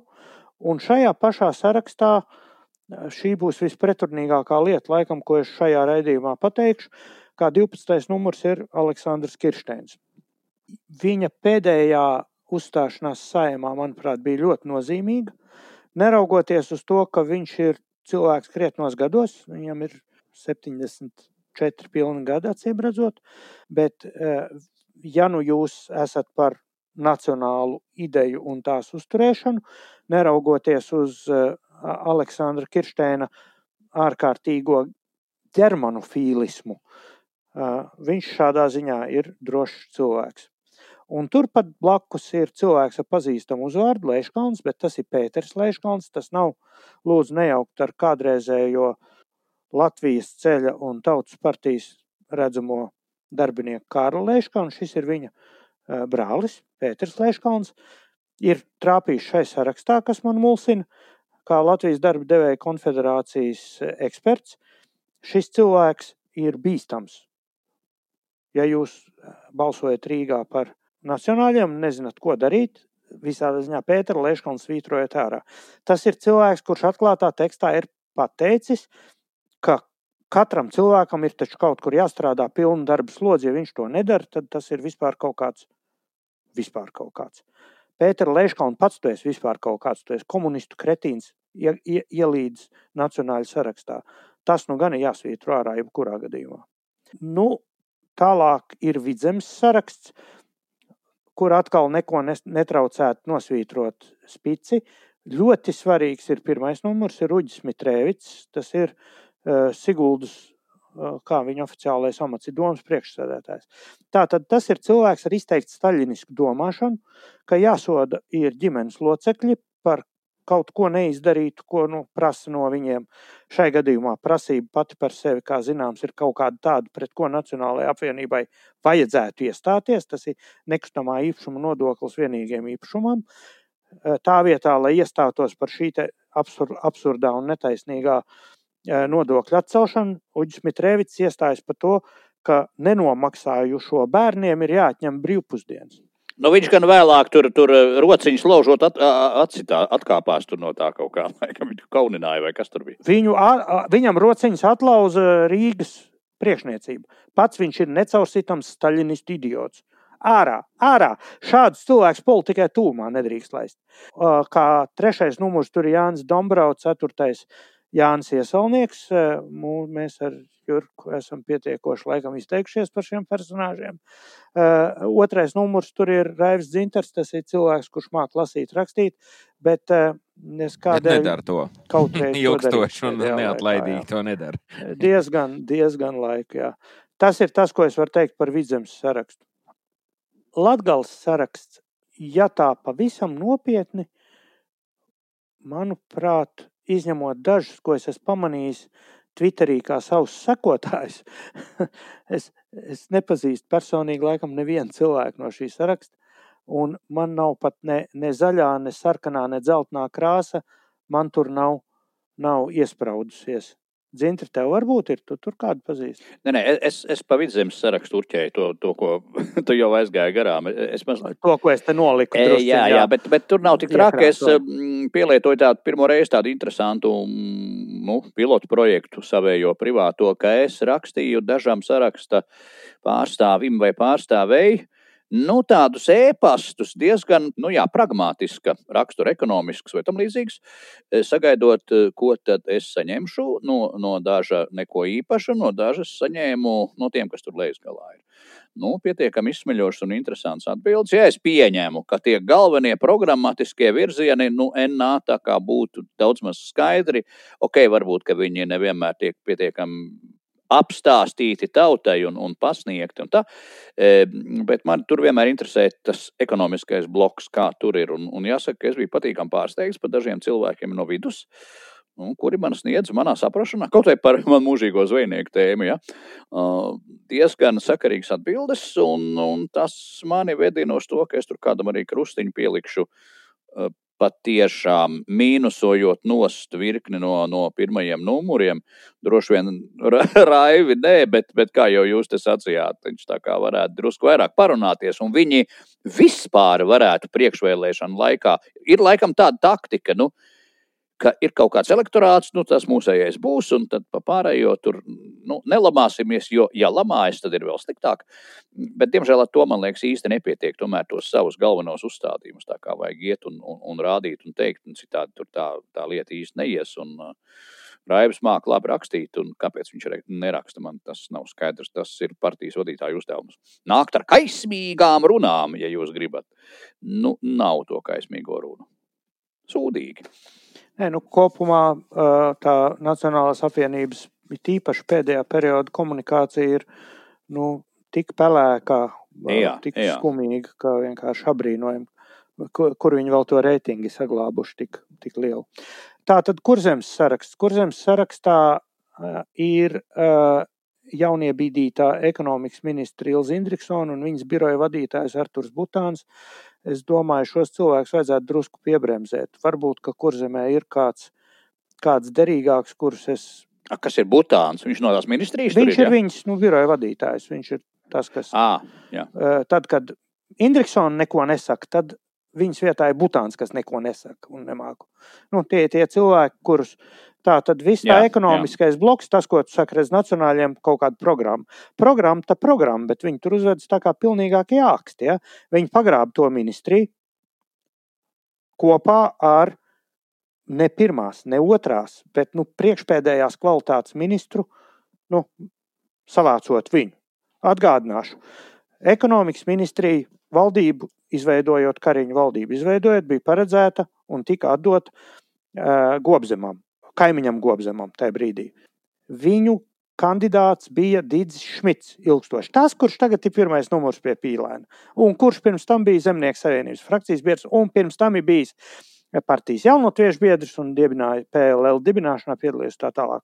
Kur tik viņš nav piedalījies? Viņš nav Bastīlī ņēmis 1790, tur, tur, kurā gadā tas vienīgais, kur viņš nav piedalījies.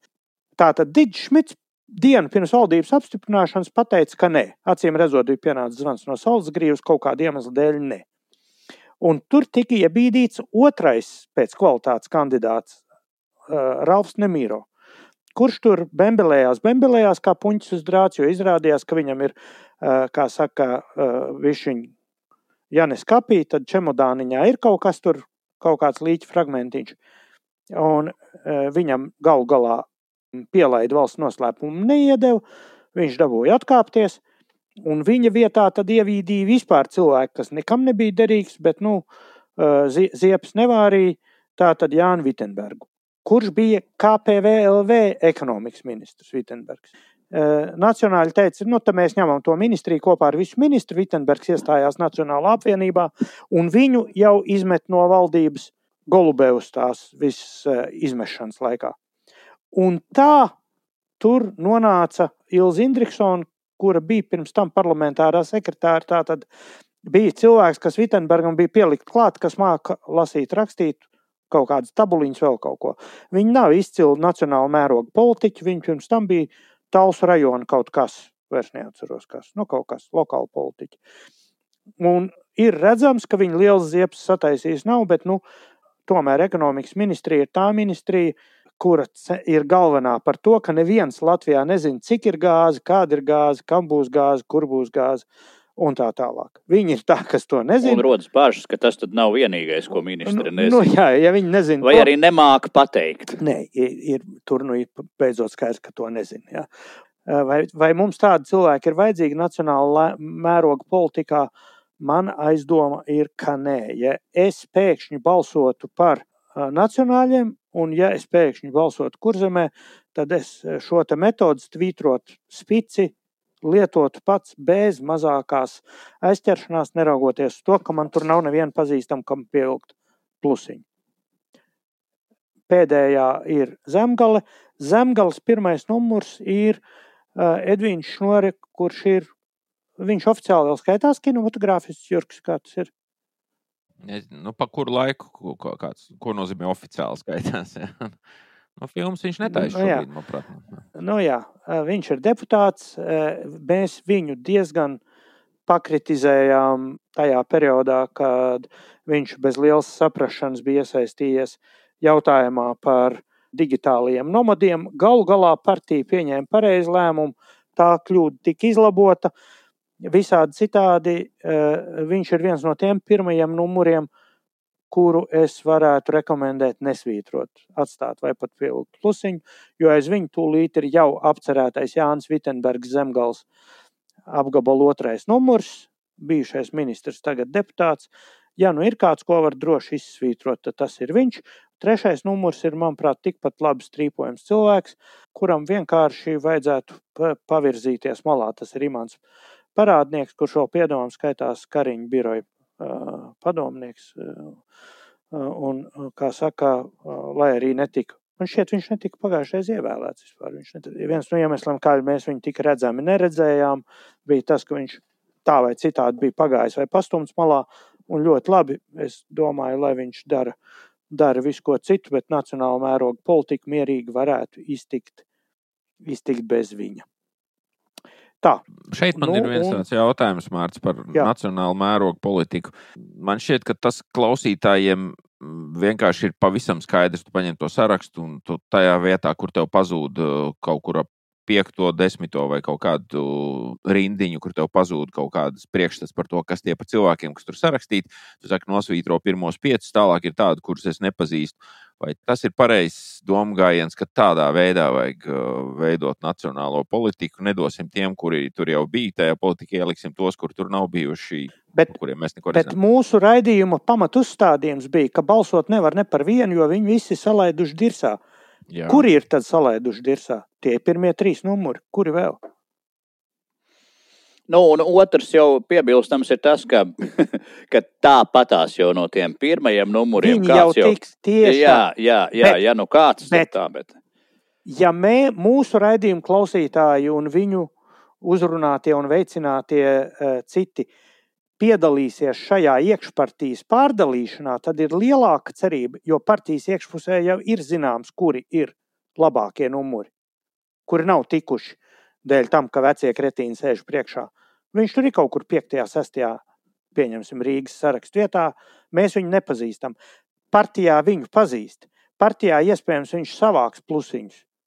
Un ja mēs būsim nosvītrojuši spicinost, mēs būsim palīdzējuši kādiem tikt uz augšu, kurus mēs nepazīstam, bet iekšpartīski, kuri ir pazīstami. Es atgādināšu tātad, izvēloties sarakstu.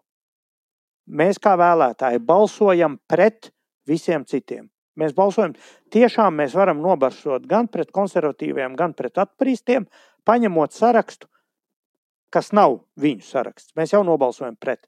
Bet tālāk ar plusiņiem un mīnusiņiem mēs balsojām par.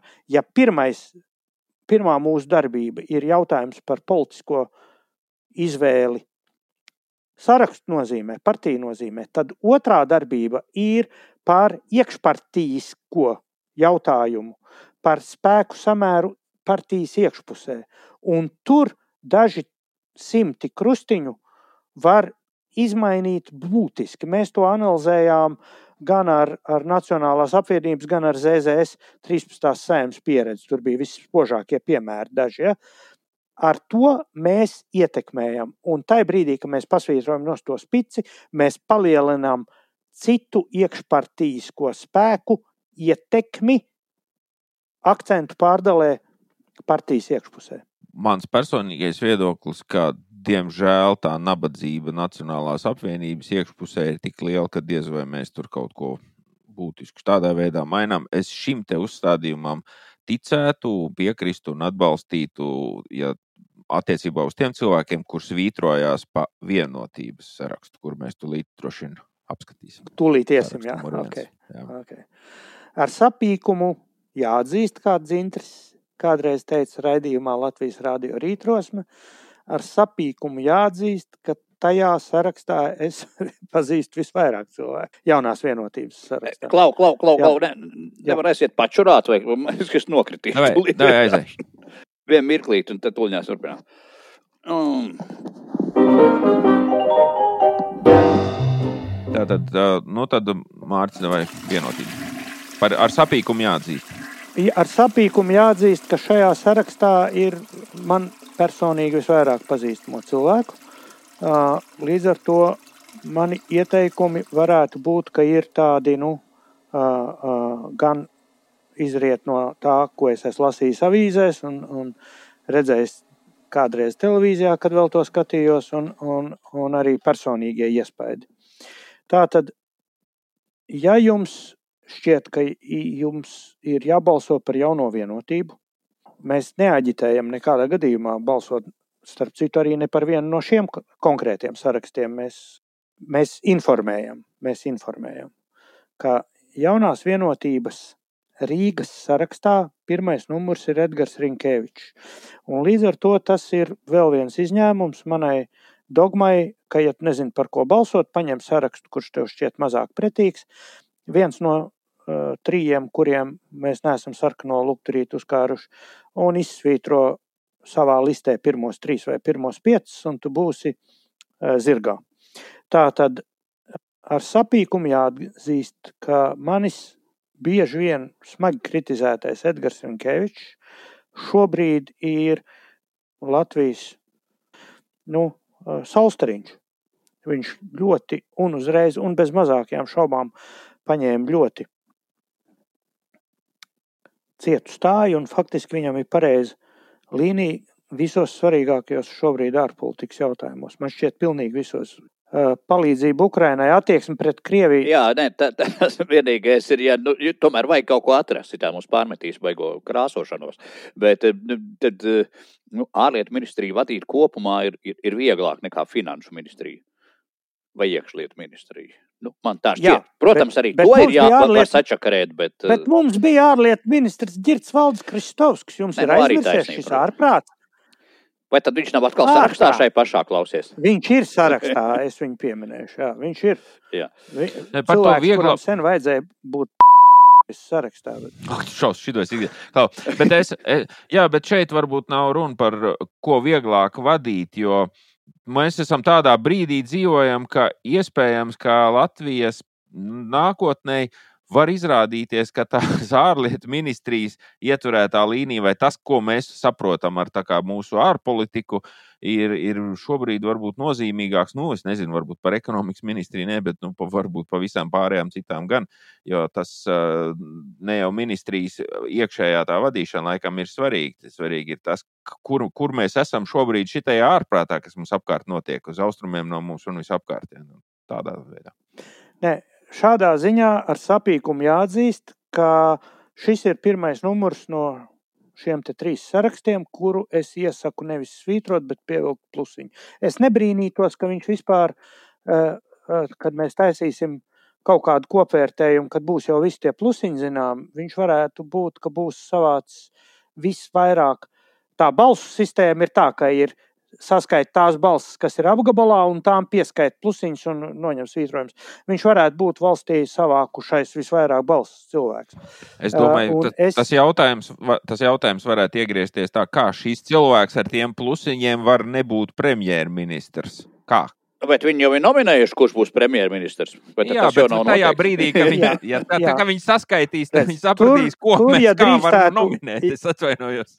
mēs pašlaik ejam tajā periodā saruna pēkšņi starp 1. oktobru un 1. novembri, e, kad, kad notiks viss šis umurkumurs, ja, e, būtu ļoti labi tomēr, ja, ja, ja, ja viņš paliktu tur, kur ir. Jo, nu, mūsu tā tradīcija tomēr ir, ka cilvēki virz uz augšu, kamēr viņš sasniedz savu nekompetences robežu pēc Mērfija likuma. Ja. Līdz to visos amatos ir cilvēki, kuri ir nekompetenti, jo viņi no kompetentā ir aizvirzīti prom. Uh, man šķiet, ka uh, ministrs Rinkēvičs ir labs savā pašreizējā amatā, un man ir aizdoms, ka citā kādā amatā viņš nebūtu tik veiksmīgs.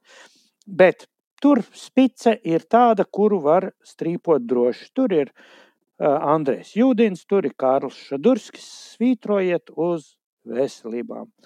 Tie kuri Rīgā balsos par jauno vienotību. Es gribētu vēl pieminēt, ka tur ir uh, Lolita Čigāna un Uģis Rodbergs, kurus derētu izsvītrot Lolita Čigāni ar astoņām svītrām, Rodbergu pietikt ar divām. Tad tur ir kopumā vienotības sarakstā ir daudz visādu, uh, kā lai to saka, pieklājīgāk. Mm.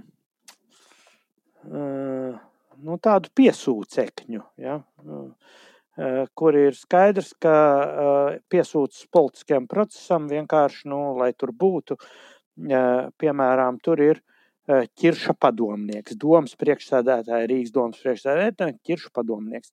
No ķirsis ir tas stulbens, kas Rīgas domē stāstīja, ka Rīgā tur sniegs ir reiz desmit gados un tā tālāk. Tas ir šis ir cilvēks, kas viņam tos padomus dod. Nafig, ārā. Tas pats ir, tur ir vēl viens Edmunds Jurēvits, tieši tāds pats, vēl viens ķiršu padomnieks. Tas ir, tas saraksts ir pieslānīts ar, ar visādām cērmēm politiskām. Jā, jā dzirdi, tu esi vidzemnieks. Kā, ko tu saki nosvītrot pirmos trīs vai pirmos piecus Ai, man, man Ainārs tā kā cilvēks patīk, bet tu, tu, tu viņu drīkst atstāt. Pa pārējiem man nav ne mazāko. Uh, nemaz, es zinu Nē, Čudaru, Ainārs... es zinu Eviku Siliņu un es zinu. Uh, pirmo numuru es zinu vāju, protams, bet uh, nu, tas tās neizdevies humors. Viņš tur gal galā no salas grīvs vispār ir, bet nezinu, vai to kāds zina. Uh, nu, Kariņš. Tā kā Jā. no pirmajiem pieci, kaut gan nē, manī tagad runā racionālais ar tādu emocionālo, īstenībā jau ir tā, un tas ir vienotības kopējā problēma, un to es redzu. Aktīvs Inns Dalderis, kas ir Ilza Vergina, es īsti nezinu, Lūks Miltens vidusskolas direktore, nu tad, lai, lai tik iet uz priekšu, varbūt ceļa Pīters simts gadus, kas no Madonas vēl tautas partijā, ko es atceros. Bairas kundze, kur laikam ir lēkājusi pa tām partijām un nemitīgi pa tām ķekavas. Nu, tur visu laiku viņiem tur bija kaut kādas pro- problēmas un kaislības un kas tur kukuļu ņemšanas vai neņemšanas un tā tālāk. Lūk, līdz ar to laikam jau tomēr racionāli ir ar vieglu sirdi O, Ja es balsotu, tad droši vien kaut kādu, nu, labi, Ainārs stāv, viņš man seko Twitterī un tur atbalsta pārgājienus. Es viņu atstāju, tam nav liels nozīmes. Es domāju, Ainārs Latkovski, kurš laikam ir vienotības e, frakcijas vadītājs saimā. Bet no Jā. Otras puses, protams, ka gan Ainārs, gan Artūrs, gan Evika un Raimons un visi pārējie draugi, nu, tas viņiem ir baigais reitings, par ko mēs droši vien runāsim, kā viņš tās te ir uzaudzis un palicis. Bet īstenībā jau tā populistiski sakot, nu, viņi jau lielā mērā ir visvairāk atbildīgi par visām ziepēm, kas pie mums ir bijušas, notikušas un turpinās. Un otrs ir, ka viņi drusku pārāk tais snobiskajā struktūrā vai karkasā ir iesēdušies. Un dažreiz tie snobiskie tādi kā smaidi vai tā, ka nu, mēs jau zinām, gan kā lietas kārtot, tas man drusku satracina. Uh, Līdz ar to, rezumējoši, es domāju, ka kaut kādus 4, 5 pirmos numurus jau nu vajadzētu svītrot. Gan partijai ir liels iestrādes, viņi māk droši vien krīzēs darboties, un nu, labos laikos jau nekur. Nu, katrs māk darboties, un tāda tūmā nav prognozējama. Bet nu, kopumā to ziepju, un gan nodokļu, gan pret epidēmiju organizēšanas jautājumos, un tā tālāk, un tā joprojām, nu, tur ir lielā mērā viņa atbildība. Pieredzi nevar nocert, bet, eh, bet nu, par to atbildību tā ir problēma. Līdz ar to tā kadru mainība droši vien ir vajadzīga, jo, kā mēs jau te iepriekš teicām, gan jau kāds no zinātājiem paliksies, par to nav šaubu. Nu, es diezgan droši laikam tos pirmos piecus mestu ārā. Zintres pieņem tas, ka tu pamanīji Intu Dalderu septītajā numurā arī uh, vedināt domāt, man viņš ir vi- viens no nedaudziem tajā sarkanā iekrāsots, ka ja nu ko, bet nu, tas jāizsvitro obligāti. Un no tevis piesauktajiem, protams, arī Ceļpīters un, un turpat tālāk ir Jānis Zariņš, frakcijas jaunā vienotība, galvenais referents. Politiskā dēle, ārā, ārā. Tie nav politiķi, tie ir pašlabumu meklētāji, tā sakot, ārā, visus ārā. Bet neuztraucieties, tāpat tur vēl paliek iekšā. Ei, Protams, no vidzemes ievēlēs Jā. 28 numurus un, un pietrūks, ko dot tālāk. Jā. Bet man tikai nav skaidra šī te loģika. Vienotība skaidra te šobrīd, lai kā tas būtu tur vēsturiski, kāds izstījās pirms četriem gadiem, šobrīd viņi pozicionējas tā kā varas partija. Nu, tā, tā, tā, nu, tā centrālā. Viņi Jā, tur lielie un tā. Kāda jēga balsot par varas partiju, ja tu izsvītro tos cilvēkus, kur ir varā? Nu, tas ir kaut kāds absurds. tas tomēr ir absurdi. Es saprotu, tu balso nav- par nav- apvienoto sarakstu, kur visi saka, baigi jaunie, mēs te nāksim, visu ko pārtaisīs, un tad tur visādi krustām šķērsām, visādi brīnumi no apakšas, no augšas, no visiem stūriem lien ārā, visādi mošķi, bet varas partijai. Un tu balso par varas partiju un izsvītro visu to, kur varā. Nu, kaut kas, tas ir, es nezinu, absurds. Nu, gluži Tas nav. ir. Uh, Nu, kā nav? nav, nav tik vienkārši. Jā. Tā tad šajā partijā ir diezgan liels daudzums cilvēku, kas māca lasīt un rakstīt. Nu, labi, Uh, bet ne jau tāpēc, ka viņiem vēlē. Nu, Nu, tā, nu, bet, nu, atceries, kāda mums bija divi prezidenti pēc kārtas, kur nevarēja pabeigt iesāktu nu, teikumu. labi, jā. Nu, nu, Nē, nē, nu, bet mūsu stihija, par, es pārtraucu, atvainojos, par, par diezgan lielu svītrošanu. Nu, būtībā tas ir motīvs par partijas mainīšanos. Es izsaku Jā, savu viedokli, uh, un atkal to pašu mantru visus tāpat neizsvītros. Un pat mēs te dažus atstājām, un tā pārmantojamība būs, bet kopumā tas stagnatīvais atzars vienotībai ir ļoti, ļoti liels. Un pamazām viņam ir jāmainās. Neizbēgami tur paliks iekšā arī droši vien kādi no tiem, ko mēs te apsaukājam. un tā. Nu, Par to nav runas, bet šīs būs tādas mazas sarkanas signāla lampiņas vai elektriskais šokers pie dibena. Mm, gan partijai kopumā, nu, gan atsevišķiem cilvēkiem, jo īpaši, ja viņi to nepamanīs, nu, sūdīgi, nu, ja pamanīs, labi. Ir jābūt kaut kādai kadru mainībai, jo iestrādes, prasmes, politiskais menedžments, tas jau viņiem ir. Jā, nu, ja nu vienīgi uz, uz kurien tā, tā mainīšanās notiek, uz ko uz profesionālāku valdīšanu vai uz kaut kādu ideoloģiju. Ideoloģijas nekādas viņiem Nu, nav. mēs nezinām. Mēs, ne, mēs, Profesionālāka valdīšana ir tiem, kur ir tur. mēs nepazīstam tos Nu. cilvēkus.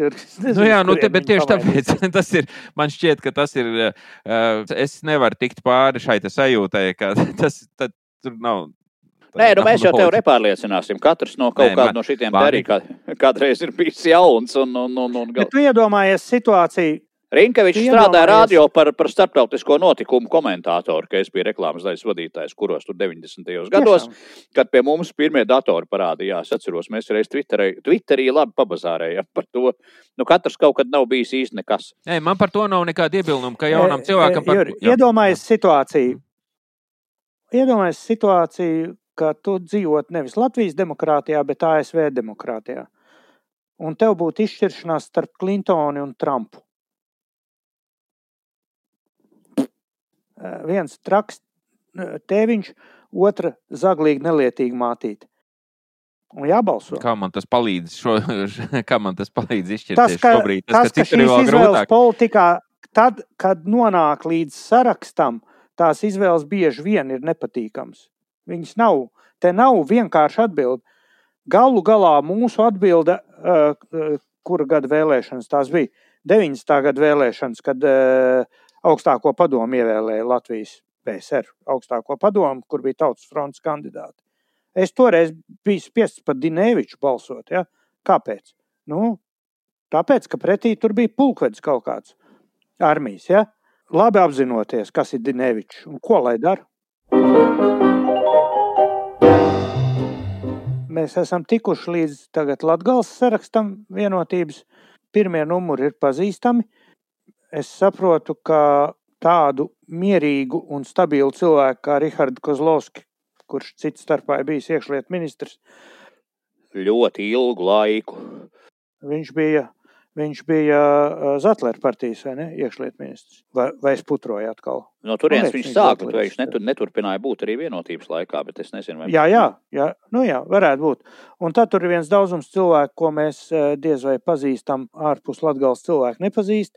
Bet te nu es nevaru atturēties. Astotajā numurā mājo Atis Ah, Zakatistovs. urā! Kā nu ir kāds jāsvītro cilvēks, tad tas ir viņš.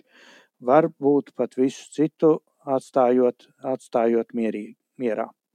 Nu, un kur zeme? Pirmais numurs Arvils Ašrādens, tieši tāpat kā citi partijas līderi, viņš te ir kautrīgi minēts kā deputāts, bet viņš ir partijas līderis. Un mūsu raidījuma viesis atgādināšu, Herr doktor profesor Jānis Ikstens kategoriski aicināja viņu svītrot, tāpēc, ka tas ir cilvēks viņa acīs, kurš ir cits starpā specifiski atbildīgs par augstākās izglītības nelaimēm. Varbūt tā ir, man nav iebildumu, ka svītro visu spici. Tiesa gan, kur zemes saraksts spici ir īpatnēji, otrais numurs ir Inga Bērziņa, kuldīgs novada, nes cik gadīga, nu desmit plus. Abi divi eh, pirmie geogrāfi. eh, Kuldīgas Mm. priekšniece, un es nezinu, kam būtu jānotiek, lai viņi ietu uz sēmu. Tā kā viņi ir faktiski sarakstu vilcējs, tāpat viņi saimā nebūs. Trešais numurs ir pēkšņi parādījies Gunārs Račs, kurš tur, kā, es nezinu, kā viņš tur ir trāpījis, bet es zinu, ka viņš šobrīd Finanšu ministrijā bīdīja virkni lietas saistītas ar to pašnodarbināšanu, kā to sauc, uzņēmējdarbības konts vai kā viņi sauc, tas kon, vienkāršo kontu. Tas bija viņa projekts. Viņš vispār tas kopējais uzņēmējdarbībā- nodokļu maksāšanas. konts. Jā, kurā tev noskaita un viss un nodokļi nav. Nu, es Tāds laikam projekts jau to pašu, jā. Bet arī tas, ka, ka Račs ir eh, nu, blakus visam citam un zejolīšu, bet es domāju, ka viņš arī kā menedžmenta un ekonomikas zinātājs ir. Bet, jā, līdz ar to vai viņš ir trešajā numurā, būtu tā kā atstājams. eh, Bet kas te ir ļoti svarīgi? Piektajā numurā ir Girts Valdis Kristovskis out. Un pie reizes sesto numuru Ingu un Circeni, lai cik viņa labi daktere. Es atvainojos, Ingrīda Circeni, lai cik viņa labi daktere, sorry, autu. Zemgali, pirmais numurs, nekļūdīgs augt Jānis Rērs. Tur tālāk, ja kāds cer uz pārmaiņām caur, caur Andrus Čakšas personu, kā lai saka, es gal galā mēs te ne par ko neaģitējam. Trešais numurs ir Leonīts Salcevičs, ilgadīgs Jēkabpils novada domas deputāts, kurš negrib šķirties no amata. Nu, viss forši, bet cilvēks nesaprot savu laiku. Jā. Jā, es, es domāju, vajadzētu viņam palīdzēt. Un te vispār ir eh, kopumā uh, vienotības sarakstā ir milzīgs lēvens cilvēku, kuri ir nu, saistībā ar varu tādā vai citādā formā. Politiskā partija vienotība, juriste, Un Laura tā tālāk, Brante. Un tā Un tādus mēs te daudz redzēsim. Jā. Ar šo esam vienotības sarakstam cauri izskrējuši. Man bail, ka mēs pat pēc tam, kad ā, mūsu producents nāks ar cenzūras šķērēm un pusi izgriezīs, vienalga būs pārāk garš palicis. Līdz ar to stāstīt savu pārliecību par tiem sarakstiem, par kuriem nedrīkstētu balsot, bet ja nu tomēr gadās, ko tur darīt, paliekam pie sava ieteikuma. Ja es drīkstu vēl dažus vārdus par mūsu spēli, Jā, kolēģi, Vajag, vajag dažus vārdus par mūsu spēli, lai Mhm, cik mēs esam ievilkuši šo raidījumu gan arī bezgalīgā garumā.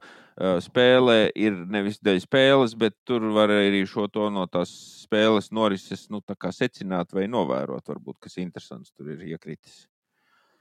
Šobrīd mazāk par simtu dalībnieku ir. Eh, Līdz ar to tādu lielu statistiku taisīt nevar. Eh, Nav jēgas, bet ir raksturīga lieta.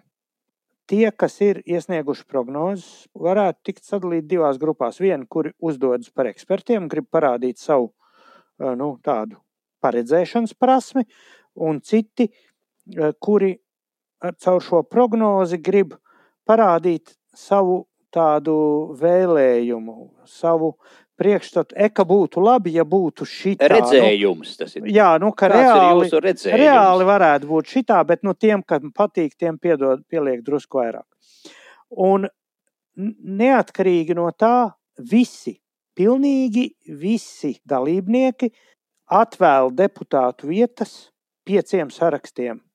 1, 3, 7, 11 un 18. Tātad vienotība zemsavieši saskaņa, nacionāļi un pīlēns saraksts 18. Neviens nešaubās, ka tie tiks iekšā. Tālāk, trīs saraksti ir tādi, par kuriem gandrīz visi domā, bet ne gluži visi, ka tiks iekšā. Tas ir 12, 15 un 16. 12. ir Šlesers, 15. ir progresīvie un 16. ir attīstība par. Bet tā tad ir tādi, kuri uzskata, ka progresīvie vai attīstība par varētu netikt. Daži tādi ir. Kas vairāk man bail, ka ir tā kā vēlējuma sadaļā. Ja?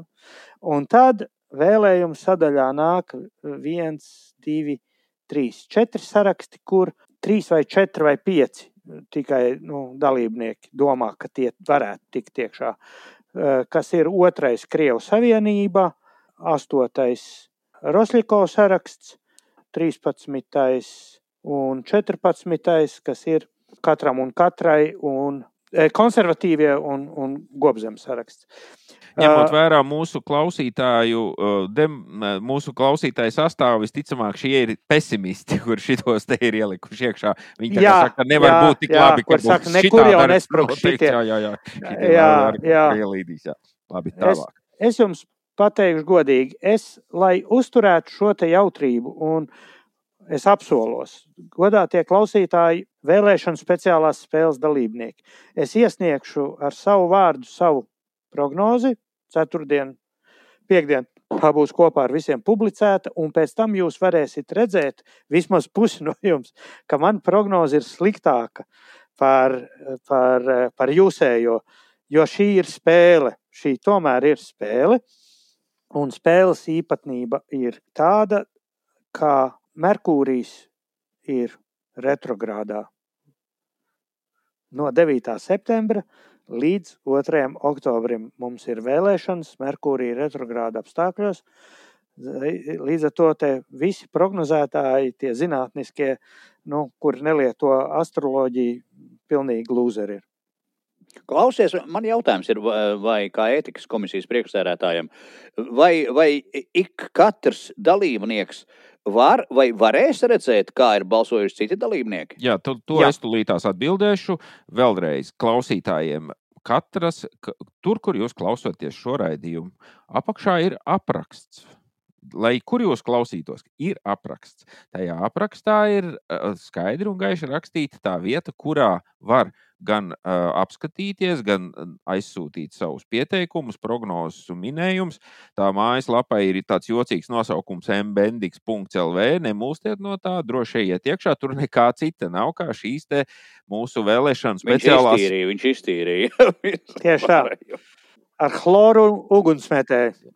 Jā, un tur iekšā tajā mājaslapā vai mazā lapiņā šajā vietnē ir iespēja nospiest uz linku un paskatīties uz to brīdi, ko mēs esam paspējuši ierakstīt. Tātad vēlreiz atgādinu, prognozes tiks pieņemts līdz ceturtdienas pusnaktī. Piektdien tur vairs nevarēs neko iesūtīt, un to, ko jūs redzēsiet tur piekdien, tas arī būs viss. Jā, bet šodien, kad jūs klausāties trešdienas rītā vai trešdienas vakarā vai tam līdzīgi, tur ik pa brīdim tiek papildināts un varat redzēt, ko citi ir nobalsojuši. Un varat pastīties, pat ja pats neesat balsojis, un varat atrast tos uzskaitīt. Cik sūdīgi tie pārējie prognozēja. Jā, un varat atrast Jā. tos kontus, kurus mēs rekomendējam, kā atbalstāmos Ukraiņas atbalstam ziedojumiem. Un, Jā. un labi, tad, tad Mārcis. Un pats pēdējais vēl. Tiem, kuriem šķiet, ka viņu balss neko nemaina. Demokrātijas efektivitāte ir tieši tajā, ka, ka, ka nevis viens cilvēks lemj, bet mēs visi kopā lemjam, bet caur katru balsi pievienojot to. Un lūdzu, tie, kuri šaubās, vai viņu partija savāks 5% nacionālā mērogā, šoreiz var gadīties viskas. Ja jums šķiet, ka jūs esat tādā apgabalā, kur jūsu partijai galīgi nav atbalsta, tad atkārtošu vienu no vēlēšanu likuma īpatnībām. Mums ir pieci vēlēšana apgabali, ir deputātu vietu skaits, ko sadala proporcionāli tam, kā ir nobalsots. Bet šajā sadalē piedalās tie saraksti, kuri nacionālā mērogā ir pārvarējuši 5% barjeru. Šo vienu piemēru mēs piesaucām 13. saimnes vēlēšanu kontekstā, ka Latgalē nacionāļiem bija 4,9, bet viņi vienalga savu vietu dabūja, jo viņi piedalās tajā sadalē, jo kopumā valsts mērogā tas 5% atbalsts viņiem ir.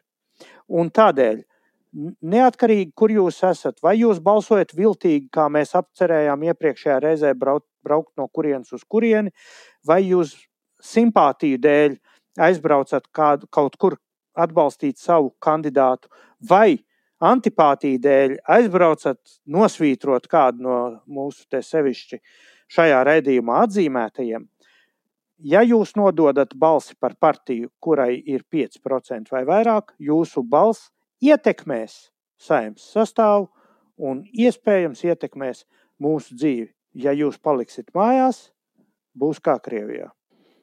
Nu, jeb arī var teikt tā, ka uh, Es jau neiešu balsot, jo tāpat nekas nemainīsies. Nu, ja tu neiesi balsot, tad latviešu sakot, točna nekas nemainīsies. Oi, Dzinti, ja tu esi optimists. Ja visi neies balsos, tad mainīsies uz slikto pusi. Pilnīgi noteikti. Arī tas, Deģen... jā, tas ir tas deģeneratīvie procesi notiek paši par sevi. Latgales, Latgale ir tāda paruna, durakus nī sēni loista, poši aug. Jā, jā, jā, tas arī. Bet, ja es iešu balsot, nu, tā es, būšu, tā es būšu mēģinājis vismaz. Man visā vismaz. garajā diezgan mūžā, es katru reizi esmu gājis. Kā jau es te teicu, es šoreiz pirmo reizi vilkšu krustiņus un mīnusiņus. Un īstenībā mani favorīti, nu, varbūt nav sasnieguši to, uz ko es pats esmu cerējis, bet nu, nav bijis tādu gadījumu, ka, ka viņi vispār ir ārā.